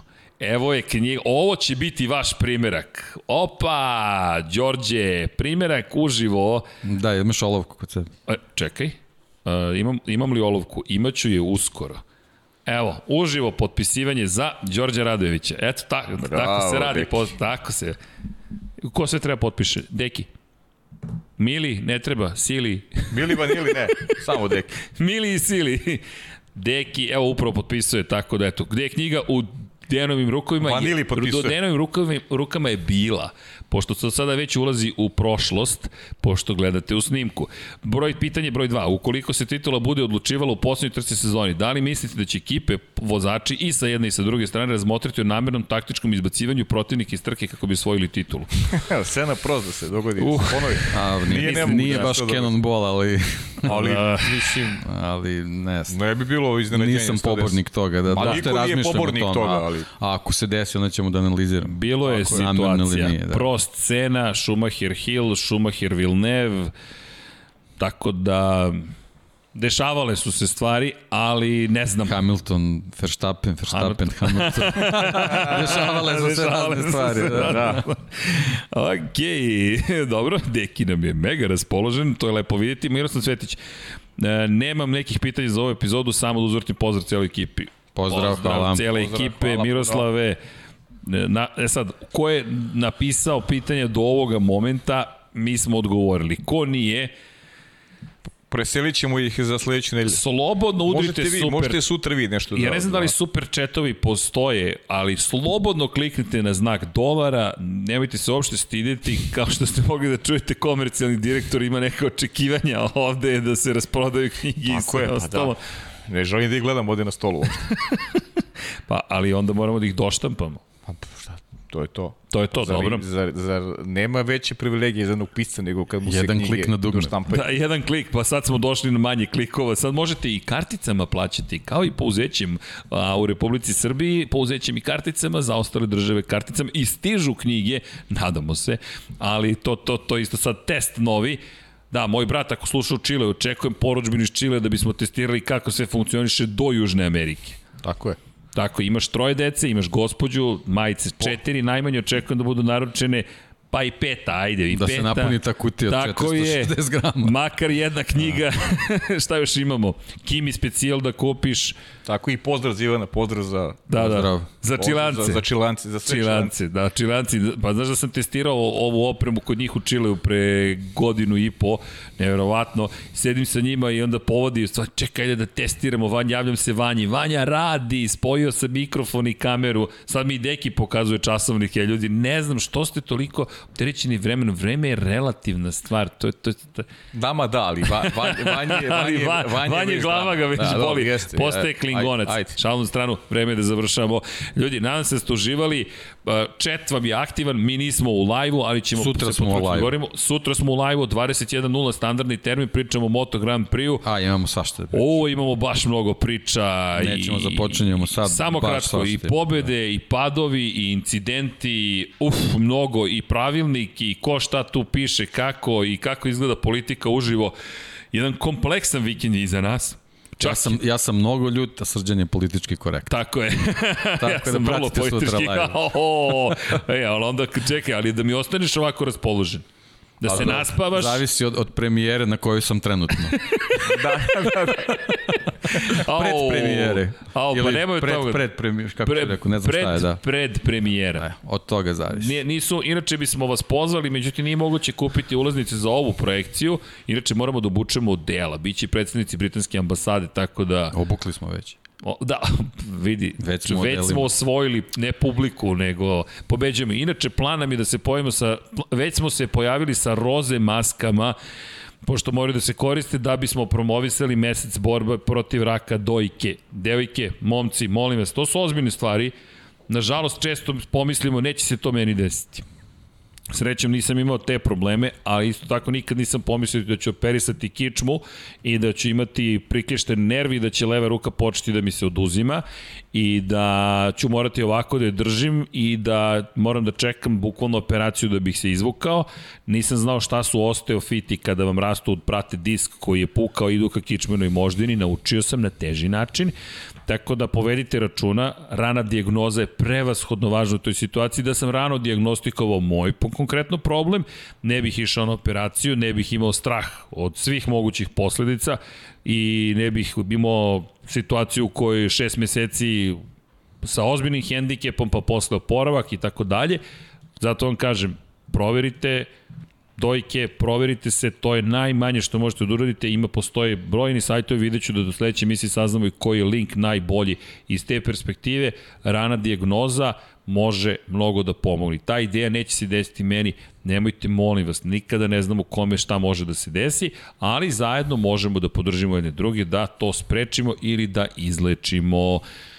Samim tim, momci, podržite svoje devojke, podsjetite ih, budite im dosadni, koliko god da ih to nervira, molim vas, povedite računa jedno drugima. I naravno, mazite se i pazite se, uradite nešto lepo, pošaljite 917 na 3030 u Republici Srbiji, 91, Human 917455 u Švajcarskoj.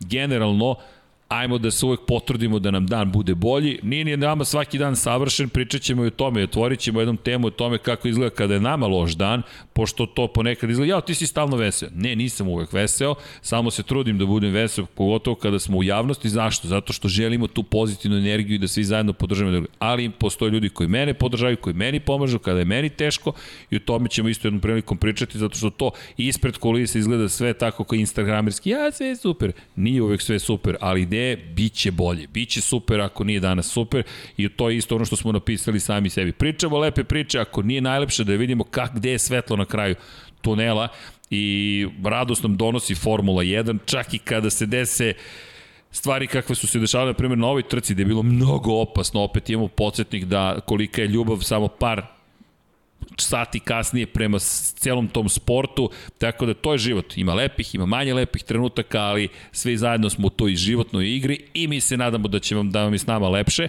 Hvala vam još jednom za, za svu pažnju. Čak mi se i Vanja uzbiljio. Uf, Vanja, osmeh na lice, idemo dalje, idemo posle na premijer. Ne, ti, ideš, ti imaš neke druge obaveze, neću da napominjem koje su, ali ekipa je sada na premijeri i nadam se da smo uživali i mi u Jamesu Bondu. Nadam se da ste vi uživali u Lepsit. Koji beše broj, Vanja? Čekaj. 136, a Lab 76 broj 136, eto. 1, 36. Da, ne znam To da li treba to... da bude ovaj, sutrašnji. Sutrašnji? Zbog mira i jao. Hoćeš da bude ovo, da, dobro nisam ukačio, čekajte, spor sam danas. Rano je, ja funkcionišem posle 18 neko časova. bude 007 zbog Jensa Bonda. Ne, ovo, ne, Ne, ne. ne. onda je ovo 137, a okreni da bude 137, a sutra ćemo 1 plus 36, a ovo je 1, ne, ovo je 13 plus 007. To, Fajo, kako smo ga rešili. Hvala Rešen Vanja. Nam se ste uživali, polako nas izbacuju iz studija jer stiže neka druga ekipa, a Dom Pablo je već na nogama, uveliko Vanja se drži za glavu. Mi vas volimo, mazite se, pazite se, vozite računa jedni u drugima i uživajte. Ćao svima! Ćao, Ćao ljudi!